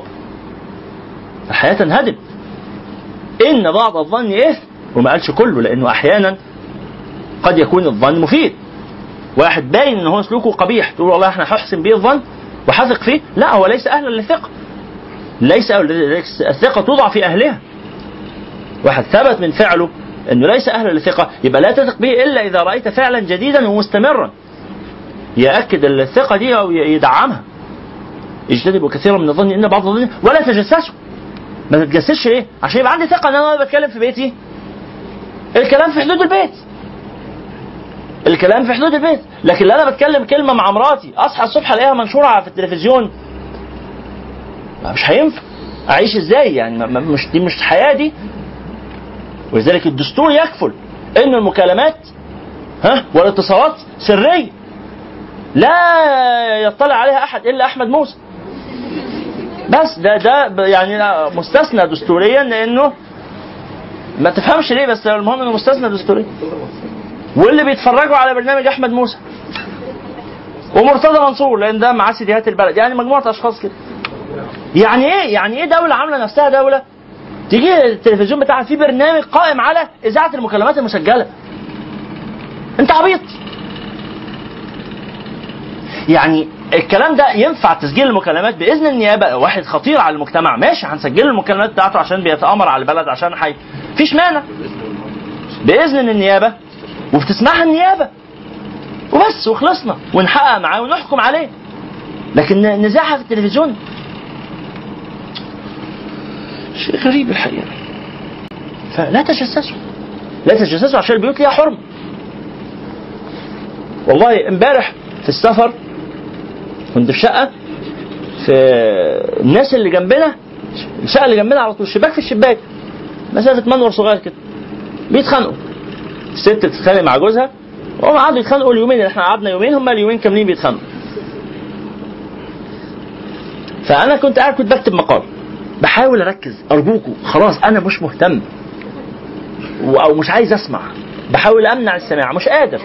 صوتهم عالي جدا جدا والشباك جنب الشباك فكل تفاصيل القصة معانا. إن أنا بدأت أخ... يعني كنت هخبط أنا وأقول له طب بصي حضرتك أنا بقترح عليك إنك يعني لو رحت لمحمد أصل إبراهيم ده في مشكلة ما ت... يعني بدأت إن أنا اسهم بتقديم حلول يعني. فزوجتي كانت يعني مش موجودة. وبعدين لما جت أقول لها الصوت مزعج جدا فمش قادر أركز. قالت لي حاول ما تركزش معاهم ركز في اللي بتعمله قلت لها والله بحاول. قعدت حاولت أركز كده وهي قعدت كانت بتقرأ في حاجة. حاولت تركز بعد شوية قالت لي أنا كمان مش عارف أركز والله. أحيانا ده مش تجسس بقى. ده إيه؟ ده هو الصوت فارض نفسه وجاي لك. بس أنت تعمل إيه ساعتها؟ تجتهد إنك تجاهد نفسك وما تسمعش تقفل الشباك. حتى برغم ده وصل المسألة؟ تقفل الشباك. تمنع تمنع أذنك من السماع. حتى لو سمعت تجتهد إنك تنسى. ما تفكرش في الموضوع. إيه؟ ما تعيدوش على حد. ما تقدرش تاكده ولا حتى لنفسك. ليه؟ علشان فكرة البيوت ليها أسرار. ولذلك من أكبر الذنوب إن المرأة تفشي أسرار زوجها أو إن الرجل يف- يفشي أسرار زو- زوجاته. شيء آه، سيء جدا. ليه؟ عشان يبقى في ثقة. أبقى واثق إن أنا وأنا قاعد بتكلم مع أمي الكلام مش هيروح لبابا أنا مش عايز بابا يسمع الكلام ده. مفيش حاجة بقولها لماما غير بعد ربع ساعة. بعد ربع ساعة فقدت الثقة. حد هيقول لأمي كده؟ أرجوكوا لا. أرجوكوا لا. المفروض إن أنا واثق فيكم برضه. أنا بقول لكم الكلام ده من باب الثقة. بس عندي مشكلة. عندي مشكلة كبيرة مع ماما. كل الأمهات كده آه. أنا ببقى قاعد معاها أقول لها ماما ده إيه بقى؟ ده موضوع فعلا سر وخطير ومش عايز بابا يعرفه وأحكي لها قصة حياتي. مفيش ربع ساعة. أبويا يقول طب أقول لك على حاجة طب ما تعمل كذا بدل كذا. وما يديش مقدمات. يعني هو ما ي... خلاص هي مسل هاتها لي واحدة واحدة. قول لي ده اصل كانت أمك يعني لمحت لي. لا. على طول أقول طب أنت عملت كده ليه؟ عملت إيه؟ ما عملش حاجة. فمن بعدها بقيت لما أبقى عايز أقول حاجة لبابا ومحرج أقولها له أروح أقول لماما. أقول لها بس اوعي تقولي له. بس خلاص أنا كده اطمأن قلبي إن الخبر وصل. وده لا يقدح فيها يعني خلاص مفهوم. طب ونعمل إيه مع فقد الثقة دي؟ لا خلاص ما ما أتمنهاش على السر. أنا لا أتمن أمي على الأسرار. دي حقيقة. ولا حد في الدنيا. ولا أتمن حد في الدنيا. ولا ولا زوجتي ولا أصدقائي المقربين ولا أقرب الناس الي ولا ولا أنت حتى. نوعية الاسرار ده عشان تكون كان عايز يقول لي ولا أنا. ولا أنت. ولا حد في الدنيا. نوعية الأسرار. شوفوا يا جماعة. السر السر. اللي ضاق به صدرك ما قدرتش تكتمه فلا تلم الآخرين إذا ضاق صدورهم به. نعم. صدور الآخرين عنه أضيق. لما أنت ما استحملتش تكتمه غيرك هيستحمل؟ فإذا كان عندك سر تحتفظ بيه لنفسك. لنفسك. لنفسك. طب آه، تساهلت وقلت لواحد خلاص. يبقى عندك سماحية نفسية إنه لم يعد سرا. يعني مهما كنت واثق فيه. واحد صاحبي أنا عارفه ما بيتبلاش فوقه فول. بس ده مبالغ فيه. قوي يعني. ف فبقوا يعني إحنا بنتكلم كلام بين الأصحاب. فما عنديش مشكلة إنه يقول الكلام لصاحبي الثالث لكن الكلام بيروح بيحكيه مثلا لمراته. وما بيحسش بمشكله وبيعتبر إن دي حاجة عادية. بس أنا بحس إنه مش حاجة عادية ان مراتك تعرف إن أنا مديون مثلا. أو إن أنا عندي آه، مشكلة مع أمي أو أبويا أو أخويا. أنا ب... فهمت المسألة دي؟ بس هو قال لي بصراحة إنه أي حاجة هتقولها لي لازم تكون عارف إنه آه، أنا في مجموعة من الناس عارفين عني كل حاجة. أبويا وأمي وإخواتي ومراتي دول عارفين عني كل حاجة. فأنا بقول لهم كل حاجة. له يعرفوا عنك بس يعرفوا عني أنا ليه؟ يعني قول لهم يا سيدي كل حاجة في حياتك. بالمناسبة ما بحبش كده. دي أصل أيضا من الأشياء غير الحسنة. إن يبقى الناس عارفين عنك كل حاجة مش حاجة حلوة. حتى زوجك لما تتزوجي أو المتزوجه حاليا ما تخليش جوزك يعرف عنك كل حاجة. ولا تخلي مراتك تعرف عنك كل حاجة. ده متلف للعلاقة يعني. نوع- نوعية. أي حاجة يعني خلي شوية حاجات ما حدش يعرفها. حتى يبقى في جديد. يعني يبقى في خبر يتقال بعد شوية. لكن لما تبقى خلاص عارفة. آه يعني ما خلصنا. تبقى الحياة مملة جدا يعني. آه طبعا. آه نتكلم عنها بعدين إن شاء الله. دورة البيت المسلم الشيخ أشرف كان شرح ده الشاهد فبقى صاحبي ده بعد شوية بقيت أعمل إيه؟ لما يكون أي كلام بقوله له وأنا ما عنديش مشكلة إن حد يعرفه بقول. خلاص يعني ما بقاش عندي مشكلة إنه مراته تعرف إنه مثلا آه، إن أنا عندي مشكلة في شغلي. أي نعم مش هتفرق معاه في حاجة. أنتوا معايا في الفكرة ولا؟ لا؟ فبقيت وأنا بتكلم معاه خلاص هو فاقد للثقة. بس بس مش معنى فاقد الثقه إن أقطع علاقتي بيه. على فكرة ما زال من أعز أصحابي يعني. بس فقدت ثقتي بيه بس فقدت ثقتي في الجزئية دي إن هو يكتب السر. هو لا يكتب الاسرار بس. ولا يغتب بعضكم بعضا. أيحب أحدكم أن يأكل لحم أخيه ميتا؟ فكرهتموه شيء قبيح شيء سيء؟ وبتكرهوه ما تعملوهوش؟ واتقوا الله إن الله تواب رحيم. يا أيها الناس إنا خلقناكم من ذكر وأنثى. وجعلناكم شعوبا وقبائل لتعارفوا. هدف التقسيم إيه؟ مش هدف التقسيم إن إحنا نتكبر على بعض ولا كده لا إن إحنا بس نتمايز. إن ده ده من شعب كده. تعارفوا مش معناها تتعرفوا على بعض. تعارفوا معناها تمايزوا. يعني يعرف بعضكم من بعض. إن ده ليه شكل وده ليه شكله تخيل لو كلنا لينا نفس الشكل. ها؟ عارفين الفيلم بتاع آه، اللي كانوا لبسوا آه، وشوش دول؟ Vendetta. أو Vendetta آه بالظبط. Vendetta لما كل البشر لهم نفس الوش وش بيضحك كده مبتسم سما سما تخوف صح؟ سما مرعبة تخيل لو كل البشر لهم نفس الوش مش تبقى حاجة سخيفة؟ صح ولا إيه؟ فربنا خلقنا مختلفين لحكمة إيه الحكمة؟ إن أنا لما أشوف ده أعرف إن هو خالد ولا أشوف ده أعرف انه محمد ولا أشوف ده أعرف انه حسين ولا كده لكن أشوف كل البنات سبحان الله حتى البنات لما يلبسوا نقاب برضه بيتعرفوا من بعض ما تفهمش إزاي بيتعرفوا من بعض في مرة أبويا أنا والدتي منتقبة فكان منتظرها على باب الجامع. وخارجين أخوات منتقبات. فراح مسك إيد واحدة ومشي بيها. هي الست قامت نفضت إيده.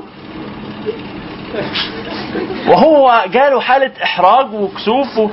أنا مش جاي عاكس والله أنا راجل كبير ومحترم و- ويعني و... ومراتي جوه. طبعا هي تفهمت يعني. بس في النهاية الدنيا ضلمة وكلهم يعني لابسين آه، آه، نقاب فمتلخبطين في بعض. بس لو الدنيا منورة شوية لا أمي منتقبة. بعرف إن هي دي أمي ودي أختي ودي آه، زميلتي. مش كده ولا إيه؟ لأنه لو لو كلنا وشوشنا زي بعض أنتوا معايا ولا مش معايا؟ فيبقى الله سبحانه وتعالى لما خلق الناس متميزين خلقهم لحكمة مش عشان يتفاخروا. مش عشان ده قوي وده جميل وتتريق عليه عشان أنا أصلع وأنت عندك شعر ولا ما, ما تعملش كده. لو سمحت بيجرحني بيؤذي مشاعري. فما ما ما لا يسخر قوم من قوم. ودي تتريق عليه عشان دي سمراء ولا دي سوداء ولا دي خضراء ولا دي صفراء ليه كده؟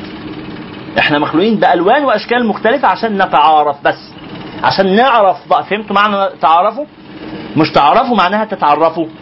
تعارفوا معناها يعرف بعضكم بعضا من بعض. تتمايزوا. بس كده. لكن الأبيض ملوش ميزة على الأسود ولا الأسود ليه ميزة على الأخضر. إن أكرمكم عند الله أتقاكم. إن الله عليم خبير. قالت الاعراب آمنا. قال لن تؤمنوا. لن تؤمنوا. ولكن قولوا اسلم ماشي فيش مانع.